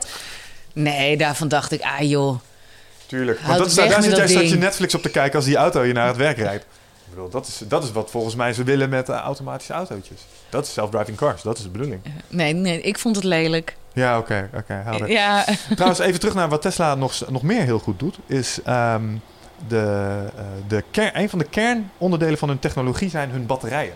En dat leunt een beetje aan bij waar we het net over hadden uh, als het gaat om Shell. Uh, een van hun andere producten naast hun auto's, waar mensen iets minder van weten, zijn... Zij bieden tegenwoordig een soort van gigantische accu's aan. En die kun jij in je huis laten installeren. En die, die voorzien jouw huis van stroom. En die worden gedurende de dag gewoon opgeladen door zonnepanelen. En die houden de stroom vast en dat soort dingen. Um, wat de behoefte aan bijvoorbeeld een aansluiting op het gasnet en het stroomnet eigenlijk gewoon elimineert. Sterker nog, je kunt teruggeven aan het stroomnet. En dat is een ontwikkeling waar uh, men ook wel het nodige van verwacht als het gaat om impact op de economie. Omdat daarmee energie. Kijk, wat, wat, waarom zitten er nu kosten aan bijvoorbeeld de productie van een smartphone? Dat zijn enerzijds eh, de, de grondstoffen en de arbeid die erin zit, maar ook de energie die nodig is om geproduceerd te worden. En energie is best wel een groot, eh, bijvoorbeeld het vervoer van die dingen, dat kost brandstof. Dus dat gaat er allemaal bij op. Ehm, stel, energie wordt straks gratis, omdat we zonne-energie hebben. We hebben allemaal van die cellen in ons huis, dus dat kostenaspect valt dan ook voor het bedrijfsleven weg. Ja. Dat zijn potentieel van die dingen waarvan ik dan nog wel weer eens verwacht. Dat gaat de markt nog wel eens op zijn kop zetten. En dan komen ook plots dingen is, ik, waar ik naartoe aan het werken ben, is dat ehm, dat zou betekenen dat mensen in de economie minder hoeven te doen. Snap je? Op het moment dat energie gratis wordt, betekent dat iets voor de behoefte aan arbeid en de beschikbaarheid van middelen. En ik heb laatst een artikel gelezen waar mensen eh, pleiten voor gratis energie als opstapje naar iets dat heet basisinkomen. Ik weet niet of je dat concept kent, maar dat is eigenlijk gewoon een concept waarbij ze zeggen: iedere burger die krijgt gewoon dat wat nodig is om te voorzien in zijn levensbehoeften. En daarna kunnen ze gewoon, daarmee kunnen ze gewoon bestaan en hun ding doen. En dat elimineert dus de behoefte om onder een tyrannische baas te werken of wat dan ook. Ik vind dat op zich heel interessant, maar tegelijkertijd vraag ik me af: kan dat werken? Heb Jij daar wel eens- En er is laatst ook een referendum geweest over basisinkomen. Hè? Is het zo? En toen is het afgekeurd, ja. Wat ja. was de reden om het En af ik te keuren? twijfel nu even welk land het nou was. Ehm, nee, ja, de bevolking die wilde het niet. Dus ik twijfel nu heel erg. Wat is dat stom? Dat ik dat maar het was weet. niet in Nederland bedoel je? Want ik voelde me al Nee. even politiek helemaal out of touch. Maar nee, Nee, maar nee, echt, dat eh, klopt. heel Ja, was het recent. niet een Oostblokland ergens of zo? Ik zit nu te denken, was het Zwitserland? Ja, ik weet het niet. Maar volgens mij heb ik hetzelfde gelezen. Ehm, Ja. Maar de bevolking wilde het dus niet. Oké, dat is interessant. Weet je nog waarom ze het niet wilden? Eh, nee, want bij zo'n referendum kan je alleen ja of nee stemmen. Hè? Ja. En eh, kijk, mensen hebben bij een basisinkomen... de tegenargumenten zijn altijd van eh, dat niemand dan nog wat gaat doen. Ja. Ja, dat- maar dat is, dat het niet eerlijk is. Ja. Om- omgekeerd is het voordeel dat daar wordt, wordt gepresenteerd is... als mensen minder gaan werken, komt er ook meer ruimte op de arbeidsmarkt... en kunnen een heleboel mensen die nu niks te doen hebben... kunnen plots meehelpen in hetzelfde werk. Waardoor er juist meer arbeidsplekken vrijkomen. Maar niemand gaat meer 40 uur werken. Dat klinkt ideaal. En dat zijn op Ja. zich situaties waarvan ik denk... ja, ik kan me wel voorstellen dat als iedereen diezelfde mate van welvaart heeft... ehm, dat dat ook wel iets doet met de rust in een maatschappij. Want je kan je plots bezig gaan houden met allerlei dingen... waar je echt mee bezig wil houden... in plaats van maar 40 uur of 60 uur op dat kantoor ploeteren. Nou, ik vind dat ook wel een interessante gedachte hoor. Eh, Er was toch ook in Canada hebben ze daar een heel eh, experiment mee gedaan in een dorpje. Eh, ook alweer jaren geleden. Hmm. En daar bleek ook uit dat die mensen gingen helemaal niet niks doen. Nee. Die gingen zich inzetten voor eh, de community. En eh, eh, ja, die voelden zich ook gelukkiger. Ehm, en ik, ik, kijk, ik kan moeilijk voorspellen wat het uiteindelijke effect zal zijn. Maar ik zie er ook wel weer wat in die gedachte dat als jij je geen zorgen meer hoeft te maken over of je genoeg geld verdient, Hmm. dat je dan bijvoorbeeld wel op school gaat helpen of Ja, maar schijnen dus dingen echt- kunt opknappen. En, en dat hele systeem wat we natuurlijk hebben met bijvoorbeeld eh, eh, de bijstand. eh, waar dan vervolgens ook weer ambtenaren op moeten gaan controleren of jij wel echt in je eentje woont. ja. Hmm. Of toevallig stiekem samen woont. Want Ja. dan krijg je weer minder. Wat denk je dat dat allemaal kost? juist. En als je die kosten voor zo'n uitkering nou zou kunnen ombouwen naar een basisinkomen. Ja. Dat, ja, ik, ik, ik- weet je, ik heb het idee dat er dus wel ruimte voor Ja. is. En maar wat- ik, de, de, de, de tegenargumenten, ja, ja, ik waarschijnlijk zie ik wel ook wat lastig. over het hoofd, denk ik dan gaat nu in altijd. Utrecht gebeuren, toch? Bij een ook- eh, ik weet het niet. Test 100 personen of Dat zou zo. op zich mooi zijn. Ja, wat, ik, wat ik ook heel sterk aan vind, is dat bijvoorbeeld ook standaard modellen, zoals nu is, ehm, onze samenleving is soms best nog wel, best nog wel patriarchaat. Hè? Het is de man die het, die het geld verdient en dan heb je de vrouw die thuis zit. Dus was het vroeger, nou is dat natuurlijk wel aan het veranderen. Maar een, wat, eh, wat voorstanders ook beargumenteren is, je hebt plots geen kostwinnersprincipe meer. Iedereen is gelijk, want elke burger krijgt, hè, die een bepaalde leeftijd krijgt, Ja. hetzelfde bedrag en moet dus zijn eigen onderhoud daarmee voorzien. Met andere woorden, als jij geen centjes eh, thuis brengt en eh, er is iemand die betaalt wel de rekening en die gebruikt dat ook als een soort instrument om thuis zijn wil steeds op te leggen. Je krijgt er ook een stukje vrijheid mee terug. En dat is ook een eh, bijkomend voordeel. En wat je zelf al zei, eh, minder stress, dus betere gezondheid. Dat zijn allemaal van die dingen van ja, het zou op zich wel Ja. moeten werken. Wat ik alleen nog niet helemaal snap aan dat basisinkomen is waar de financiering dan exact vandaan komt. Nee, dat snap ik eigenlijk ook niet. dat is het enige probleem. eh. Dan denk ik, ja, je zult toch bedrijven moeten hebben die winst blijven maken. Ja. Ja.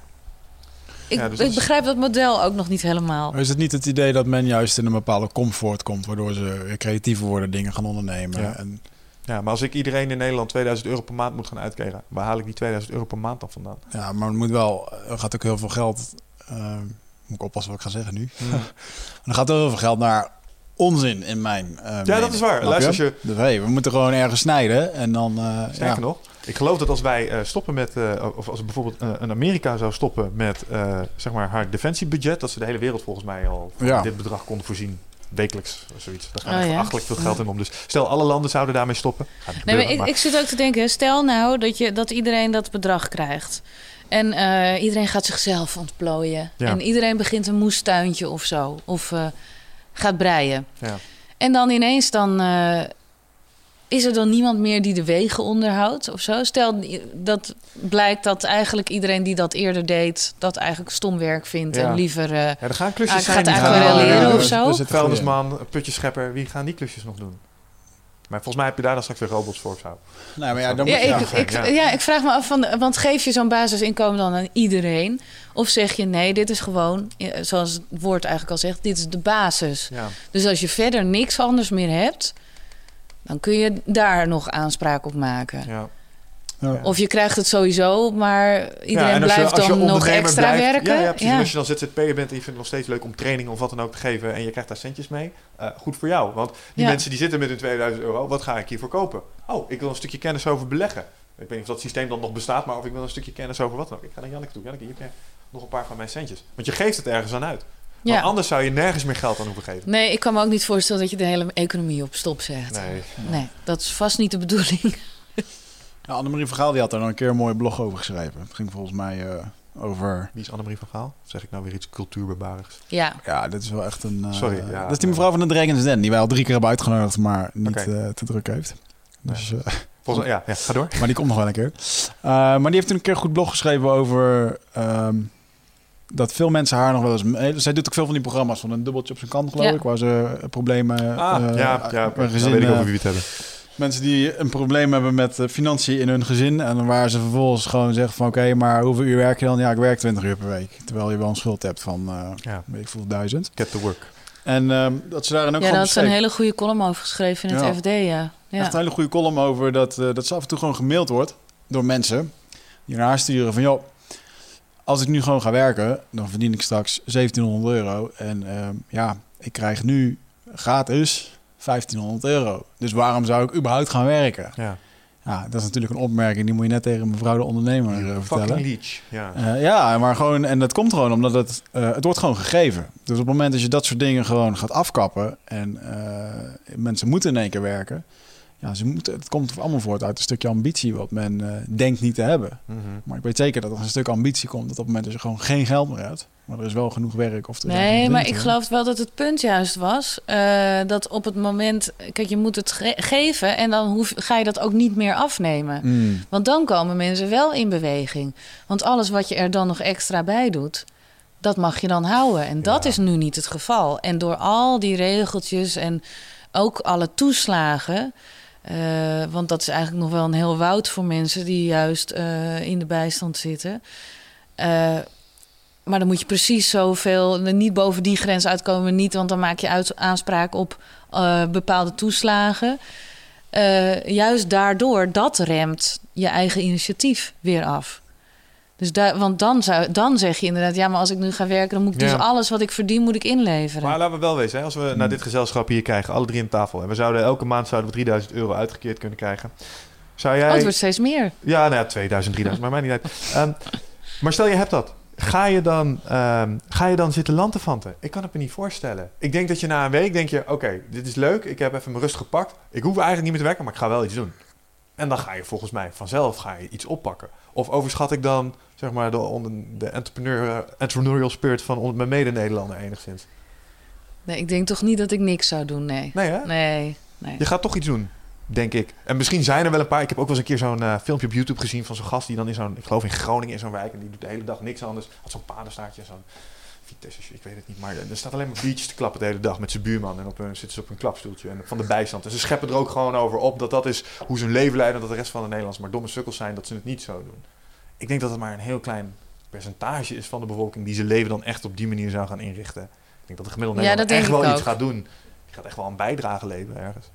Want plots heb je de ruimte om na te denken over waar kan ik een bijdrage leveren. Dan ben je niet meer alleen maar aan het denken van, ja, maar waar moet mijn hypotheek vandaan komen? Of mijn huur van betalen? Ja, ja. mm. Of ben ik nu hopeloos optimistisch? Nou ja, ik hoop dat het zo. Ik hoop ook wel ergens dat het zo is. Maar ik, ik- ja.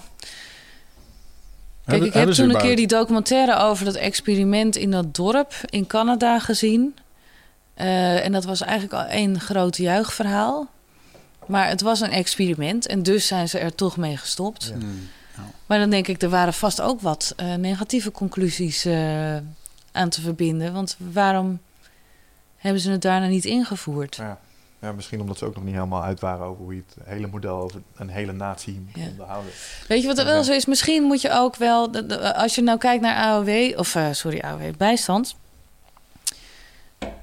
Eh, mensen die daarin terechtkomen, die vinden dat heus niet leuk, denk ik. Nee. Dus de, nou ja, jij beschrijft dan mannen met een biertje die dat kennelijk wel leuk Ja, vinden. maar ik denk dat dat een heel klein onderdeel is van de mensen die in de bijstand Nou, dat denk zitten. ik ook. denk En dat ik denk ook op een- wil. En dan denk ik ook op een gegeven moment moet je misschien ook in plaats van al dat geld te besteden aan maar controleren of ze wel. eh, of ze echt niet eh, daar nog een potje geld hebben. Of eh, toevallig samenwonen. Ja. Dat de hoogte van hun uitkering te hoog is. Dat soort zaken. Dat een bepaalde groep mensen moet je ook maar gewoon laten. Ja. Ja, ja, je moet je afvragen de tegelijkertijd die denk je van ja, wil je dat. Nou ja, wil je het ook wel weer onder controle hebben? Nou, eh, moeilijk verhaal. Nou ja, daar kun je denk ik wel, eh, als je het er toch economisch benadert, wel een kostenbatenanalyse op loslaten. Of dat rendeert. In dat opzicht. Ja. Dat begrijp ik Ja. wel. Volgens mij is het het moeilijkst om te berekenen om voor het lange termijn te doen. Maar Hoe ziet het dan over 20 jaar uit? Want zo'n kort experiment waarbij iedereen 20.000 of te- weet ik veel, 2000 euro per maand geeft en je doet dat een half jaar, ja, daar kan ik me ook wel mee vermaken, weet je wel. Ja. Maar doe het dus 20 jaar voor een heel, voor een heel land. Nou we kwamen hier in ieder geval... Ja, nee, ik snap dat. Nou, maar je zult het op een of andere manier moeten vrijspelen. En we kwamen hierop omdat we het hadden over Tesla... die energie aanzienlijk goedkoper gaan maken. Ik denk Mm. dat een aantal van dat soort ontwikkelingen... er mogelijk voor zullen gaan zorgen... dat je nou ja, in een situatie kan komen... waar basisinkomen een, een optie wordt. Of we het daadwerkelijk kunnen doorvoeren. eh, en of het eh, houdbaar is, ja, dat zal ervaring moeten leren. Ik denk dat je ook nog wel een heleboel... ehm, ja, eh, zeg maar gevestigde organisaties en allerlei deuren moet opentrappen en breken voordat je zover bent. Want als je dit echt gaat doen, dan zet je natuurlijk het hele fundament van de economie wel echt op zijn kop. Ik denk dat er een heleboel mensen zijn die nu een heleboel centjes hebben, een heleboel macht hebben, die er helemaal niet zo bij gebaat zijn. Die helemaal niet op zitten Nee, en ik las een tijdje geleden een artikel van eh, met alle, eh, zeg maar, eh, de nieuwigheden zoals de stofzuiger en de wasmachine. Hè? Ja, in recente die innovaties. tijd, Ja. Recente innovatie. Zouden we allemaal veel minder tijd kwijt zijn, ook, met, ook aan werk. En dat bleek helemaal niet zo te zijn. Eh, want daar, daar hebben we andere zaken weer, eh, weer die, die plek weer eh, ingenomen. Ja, Ja, Facebook moet ook bekeken worden. precies. En, ja. Dat is ook hard werken. Ja, ja. Ja, moet je ook flink doorscrollen. Nou, dus ik vind het wel interessant van welke kant gaat dat op? ja. Ook als je, eh, nou ja, als we het hebben over bankzaken, dat dan hoef je niet meer een uur voor in de rij te staan eh, voordat je geld kunt opnemen of storten. ja. Eh, maar andere zaken nemen toch weer eh, ook tijd in beslag. Dus ja, we gaan toch niet helemaal niks doen, denk ik, uiteindelijk. Nee. Nou, al is het maar natuurlijk met ook constante bron van vermaak en mogelijkheden die je op het, eh, op het internet hebt. Maar ja, nee, ik, ik, Ja. ik, ik snap wat je daar zegt. Eh, eh, nogmaals, als ik het op mezelf zou betrekken. eh, we hebben het trapje wel eens. Wat nou als we Nutrofit zouden kunnen verlopen en we hebben inderdaad een leuk bedrag op de bankrekening staan. Zouden we dan thuis gaan zitten? Nee. Nee, nooit. Binnen de kortste keer zijn we het anders. Nee, weet je, ik denk dat, eh, dat je misschien eerst nog een, eh, een tijdje vakantie neemt of op, eh, op reis gaat. Ja. En eh, dan begint het toch wel weer te kriebelen. Ja. Nou, Want Ja. je begint het niet omdat je denkt, ik moet dit bedrijf beginnen. Oh, wat een ellende. Je doet het omdat je dat wil. ja, het is leuk en het geeft energie. Ja, Dat is ja. nou en het is je pensioen. Ja. Bij mij. Maar dus, ja. dus dat ik aan te denken, toen jullie het straks over hadden, van ja, ja, het is goed voor je pensioen. Toen dacht ik, ja, maar ik ga gewoon een bedrijf verkopen. ja. Ja. Dus zo zit ik er echt in. Dat Ja. wordt mijn pensioen. Ja, ja, dat is op zich ook, eh, ook ja, dat is een goede houding. Dus ik kan, ja, Ja, misschien moet ik mijn plan. Ja, ja. en dan kan ik dan wel eens uh, kwijtraken met beleggen. Ben jij nog een leuke supplemententent investeren misschien? Mooi. Mag ik jou, mag ik wat meningen? Ik zit hier nu te- ondertussen even te googlen over aandelen en zo. En dan zie ik een hele hoop eh, dingen waar je in kan beleggen. En ik wil eens even een aantal dingen noemen. En dan wil ik dan jouw mening eens even over horen. Ehm, 3D-printen. Ja, ik zou het wel doen. Ik ook. We even kijken welk bedrijf. Want eh, volgens mij zijn er heel veel bedrijven die zich daar nu mee bezighouden. Dus wat is dan eh, degene met het meeste groeipotentieel? Maar ik denk dat er zoveel mee mogelijk is met 3D-printing. Ik zou dan vooral in die biomedische hoek denk ik wel zoiets willen zien. Waar gewoon je, ja, Ja. een nieuw Ja, bot ja. of een nieuwe enkel even Ja. gewoon... Eh, oren worden nu geprint. Eh, ze zijn bezig met organen, dus longen kunnen ze tegenwoordig zelfs weer eh, voor je Ja, en volgens mij dus ook gewrichten. En dan heb je dus niet meer de, van, nou wilt u een small, medium of large heup. Maar dan wordt het gewoon een heup die precies Ja. in jouw lichaam past. Ze hebben net zo'n ding in de ISS eh, geïnstalleerd, de Space Station Shuttle. En die, die gasten die printen daar nu hun eigen gereedschap mee. Er was soms van de week een fotootje van een eigen uitgedra monkey wrench in space. Oh ja. Dus het is Ja. ook maar weer een toepassing. Eh, Hij lijkt heel klein. Een van de meest interessante ontwikkelingen vind ik het vermogen om straks eten te printen. Hmm. ja. Dat, ja. dat is interessant. Dat begint een beetje op Ja, ik heb wel eh, dingen zien, geprint zien worden met chocola. Ik weet alleen niet meer wat het precies werd, maar ja. Ja. ook wel Het interessant. gaat wel een bepaalde kant op. Oké, Ja, volgende. Ja, Klinkt goed. Virtual reality. Ja, ik vind dat heel moeilijk om me daar echt iets bij voor te stellen. Nog nooit eh, in een Oculus gezeten? Ja, wel. Voor je van? Ja, leuk. Maar ik zie de toepassingen nog niet helemaal. Eh, en, en ik heb wel een toepassing heb ik wel, eh, wel meegemaakt. Bijvoorbeeld eh, in de bouwsector stond ik op een congres. En nou, het ging eigenlijk... Nou, het doet er ook niet toe. Eh, dan kun je dus met een VR-bril kun je al een kijkje nemen in het huis Ja. eh, wat, wat jij gaat kopen bijvoorbeeld. Zodat je al weet van oké, nou dan wil ik Hmm. hier de keuken of daar. Of eh, nee, het is toch de, de Virtual woonkamer tours. wordt toch te klein of zoiets. Hetzelfde geldt voor het verzekeren van dat soort projecten. Dan kan iemand dan schade-expert er zal, zal ik maar zeggen doorheen lopen voordat het gebouwd is, zodat ze precies kunnen vaststellen van oké, de hoogte van je verzekering moet dit worden, want je moet nog even daarop letten en daar zit een risico. Nou, dat, Mooi, dat ja. vind ik interessant. Maar daar Ja. meer kan ik me er zelf nog niet bij Kan ik voorstellen. er nog wel één aan toevoegen? Hij wordt nu al ingezet deels in de, in de medische industrie, waarbij bijvoorbeeld specialisten kunnen meekijken. Dus ik ben een specialist in Tokio, ik ben een neuroloog. Ik weet heel veel van bepaalde hersentumoren. Er wordt iemand geopereerd in eh, Amerika. Ik plug in, ik kijk mee. En je kunt zelfs met 3D-hologrammen en zo doen ze daar ook al dingen mee. Kunnen ze gewoon meekijken in dat lijf. Dat zou een potentiële toepassing nog kunnen zijn. Dat is één. En ja, ik vind het alleen moeilijk, eh, anders als entertainment-achtige dingen, zeg maar. Want dat, dat zijn natuurlijk de meest voor de hand liggende. Ik denk dat je daar je meeste groei hebt. Ik denk dat je niet van moet opkijken als straks, eh, net als we met die 3D-brilletjes hadden, een soort omslag wordt gemaakt in bijvoorbeeld bioscopen naar virtual reality centers, waarbij en dat soort ervaringen terugkomt. Ik denk dat er Ja, grootste... Ja, denk ik Ik denk dat de grootste markt hier in de seksindustrie gaat worden. Heel eerlijk, ik denk dat het nog eens kon kloppen. Je hebt er... Ja. Als je gewoon thuis eh, kan zitten met een bril en dan is dan in één keer, eh, het staat in Het één keer echt in je end- Ik heb het woonkamer. vaker gezegd, als dat echt een ding wordt, dat het wordt het eind van de mensheid. Ja, Dat wordt echt het eind van de mensen. Ze hebben experimenten gedaan met de Ah, wel ratten. nee. Jawel. Ze hebben experimenten ja. gedaan met ratten. Die konden ze op een knopje laten drukken. En als ze op het knopje drukten, werd er een soort van orgasme gesimuleerd in, in het hoofd van die rat. Wat blijkt nou? Als je, als je ze dat vermogen geeft, dan doen ze alleen maar op dat knopje drukken. En die aten niet meer en die dronken niet meer. Snap je? Dus als jij, als jij een stapje verder gaat met deze technologie. Kijk, virtual reality is één ding. Maar wat nou als ik jou vertel... Volgens mij heb ik dit wel eens vaker dit grapje gemaakt. Maar ehm, je hebt van die mensen die zijn, nou, die zijn hun arm kwijt of hun hand. En ze hebben tegenwoordig protheses. En dan kunnen ze de prothese, als die dan een warm glas aanraakt... kunnen ze het gevoel van warmte kunnen ze doorgeven weer aan je hersenen. Dat signaal. Ja. Als je die technologie, technologie nou even combineert met wat we net zeiden over virtuality en porno... dan is het toch afgelopen met de mensheid? ja, dan komen sommige mensen niet meer buiten. Dan gaan we ze vinden met die bril op... en dan liggen ze al drie maanden in hun bureaustoel. Dat is wat er gaat gebeuren.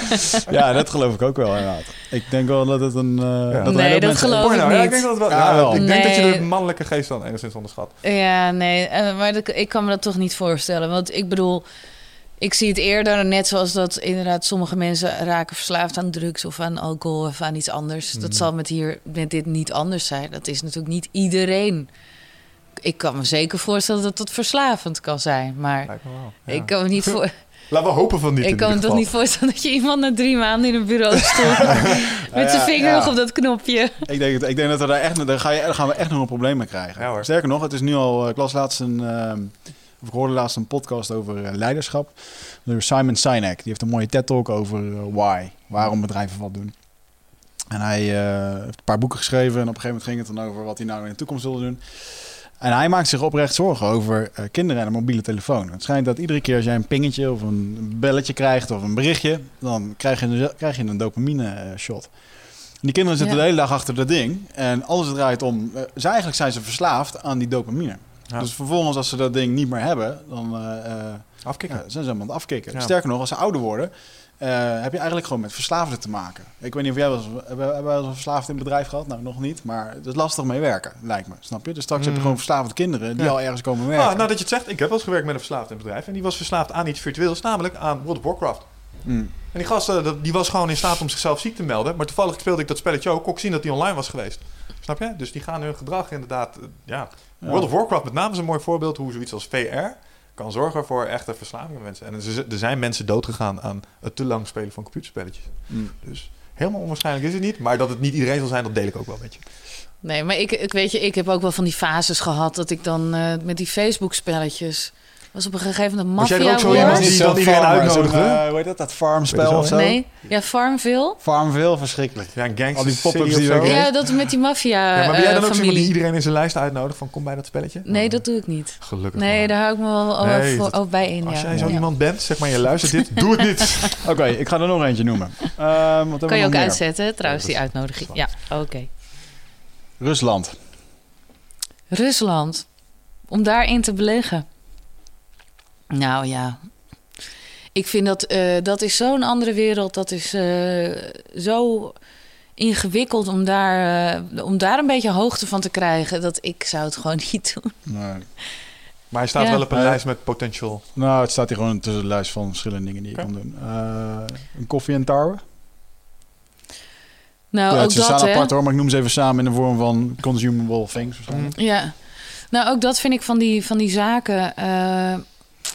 Daar moet je heel veel achtergrond van, voor hebben. Hè? Van- Van, de marktomstandigheden. Wat is er nodig om die gewassen te verbouwen? Dan moet je gaan kijken naar de seizoenen. Hmm. Eh, je moet een beetje de vraag van de, van de wereld gaan inschatten Je naar dat soort een soort producten. agrariër zijn om het goed te kunnen doen. Ja, en weet je wat het is? Het geldt ook voor Rusland, geldt ook hiervoor. Kun je wel doen. Eh, alleen ik heb er geen verstand van. Ja. En als ik het zou doen, zou ik het eh, alleen doen met een heel klein deel van mijn geld. En gewoon van ja, leuk heb ik dat er ook eens bij. Ja. Zoiets. Je kan trouwens ook in eh, varkensmaagjes eh, beleggen, hè? Porkbellies. Oh ja? Ja, Dat doe ik ook niet hoor, Wat, trouwens. eh, wat is daar, omdat daar, daar, is- waar is daar vraag naar? ja, geen idee waarom daar vraag naar is. Welk bedrijf handelt daarin? Dat is gewoon een bedrijf die Ja, handelt Google Misschien dat ze heel fanatiek aan het foekenpotten zijn. Dat is een feest dat hadden ze hier in de buurt altijd. En vroeger deed je dat dan met een, een eh, inderdaad een varkensmaag. Ging je langs de deur, ging je liedjes zingen, kreeg je snoepjes in die varkensmaag gegooid. Misschien zijn ze daarmee bezig, geen idee. Ja, Dat is de enige toepassing die ik ken voor varkensmaag. ik zou ook echt de toepassing niet weten. Dus misschien nog eentje, hè, als we het hebben over wat moet, wil je nog leren. Ik ga binnenkort in de porkbellies duiken. Ja, wat, wat kunnen we daarmee doen? Nou, ja, ben benieuwd. Ik zie het hier wel staan inderdaad. Ja. Wat, wat doen ze ermee? Eh, nou, het is meer dat een... eh, Ik heb nog wel een eh, eentje. Robotics. Dus robotica. Ja, is wel heel breed tegelijkertijd. Hè? Maar Ja. ehm, En, welke tak denk jij als eerste aan als ik zeg robo- robotica? ja, ik denk eigenlijk vooral aan, eh, aan machientjes in fabrieken. Mhm, Eh, ja. Ik zag toevallig laatst, eh, ging over online... over postorder... Nee, nee, dat heet al lang niet meer zo. Webshops. Ja, Postorderbedrijven. bijna hetzelfde.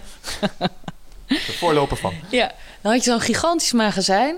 En daar gingen allemaal van die robotjes, die Mm. verzamelden de orders. Ja, Amazon doet dat. Ja, Ja. maar er zit er ook een in Nederland, eh, een hele grote. Oh, Ik ben even de naam kwijt. Ja, maar goed. En dan wordt het eh, helemaal mooi. En dan gaan ze het nu combineren met die andere, die vliegende robotjes, drones.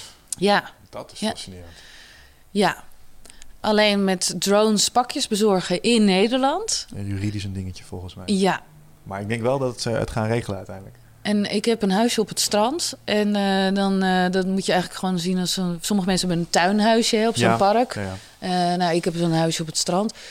En er hangt regelmatig ook een drone boven ons hoofd. Daar heb je toch geen prettig gevoel bij. Nee, Als die drone, en wat- ja, dat is dan ook een drone met een camera.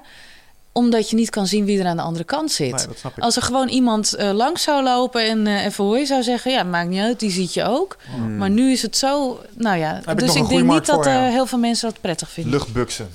Luchtbugs. Het gaat dan een ding Oh worden. ja, dat werkt. En weet je, dan wil ik er eigenlijk zo eentje met zo'n net, met van die balletjes eraan. Dat je en er die dan kan zo schieten zo. overheen Ja. schiet. En dat dat, de eigenaar zich moet melden. ja, Ja, dat je dat ding dan door twee gebroken aan hem kan teruggeven. Mm. Ja, dat is misschien wel ook Nee, maar dat is wel een ding. Nee, 100%. En de, wa- de wapenindustrie is natuurlijk ook altijd wel... eh, ik zou er niet investeren.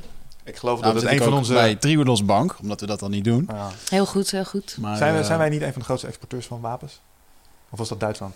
Nederland? Ja, Nederland zit Ik volgens weet mij wel dat in Den wapenindustrie, Bosch, in Den Bosch hadden we wel een munitiefabriek en zo. En eh I don't know. Is dat zo? Weet jij er wat van? Volgens mij niet. Ik weet wel dat Duitsland echt een hele grote exporteur van wapens is. Dat is een van de Maar ik weet ook nog wel toen ik... eh, ik heb ook nog... Privé heb ik wel een ING-rekening. Hm.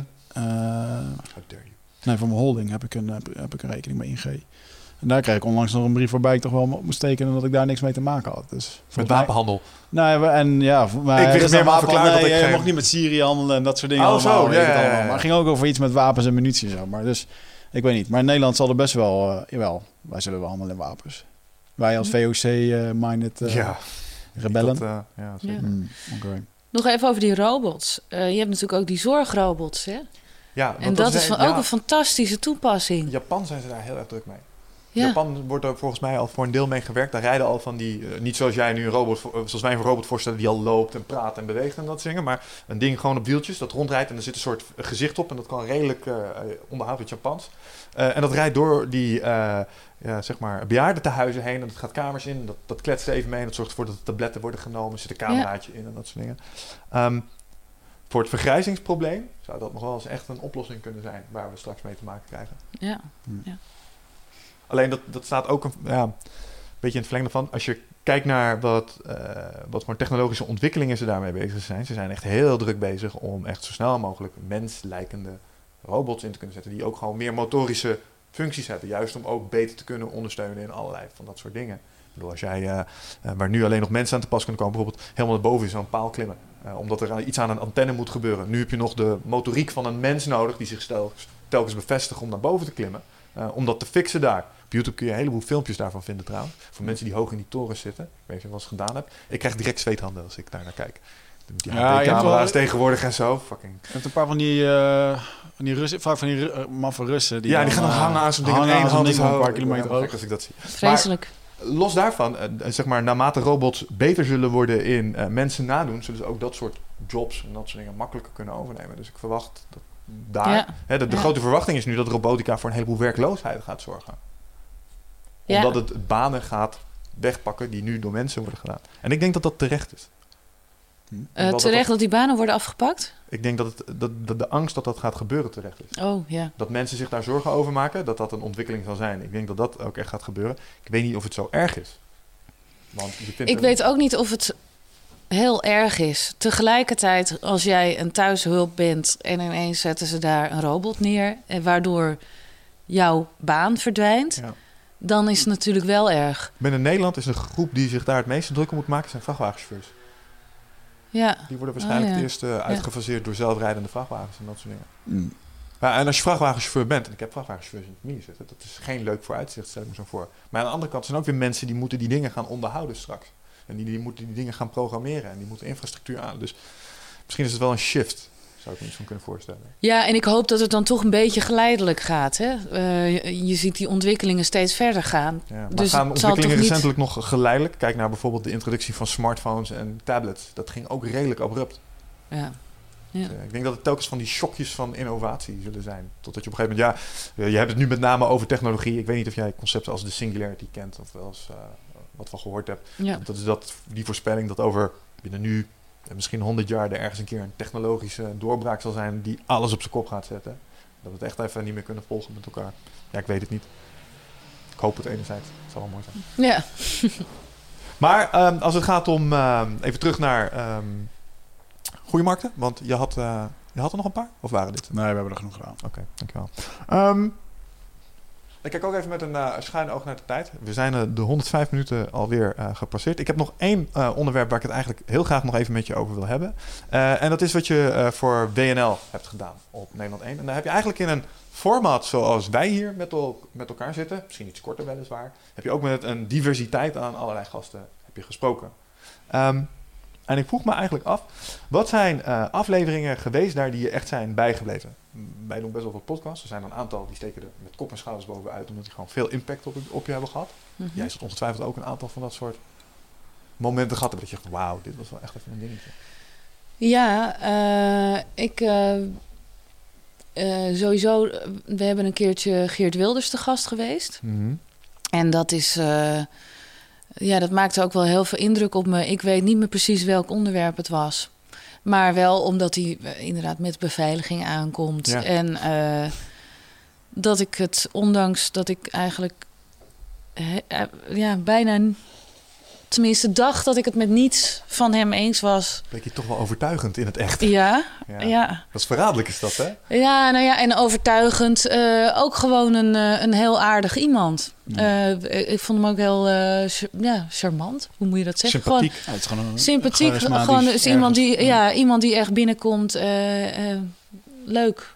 Gek Grappig is dat, hè? Hoe Ja. voorkomen dan toch een ideologie die iemand heeft, toch makkelijker zeg maar, binnen laat komen op het moment dat het ook echt een likable person is met een bepaalde uitstraling. Nou, want dat is niet helemaal waar. Maar er zijn natuurlijk wel punten die, waar niks mis mee is in mijn ogen. Mhm. Maar het is meer dat ik eh, het grootste gedeelte van wat hij van zijn standpunten, dat ik daar eh, echt wel een afkeer van heb.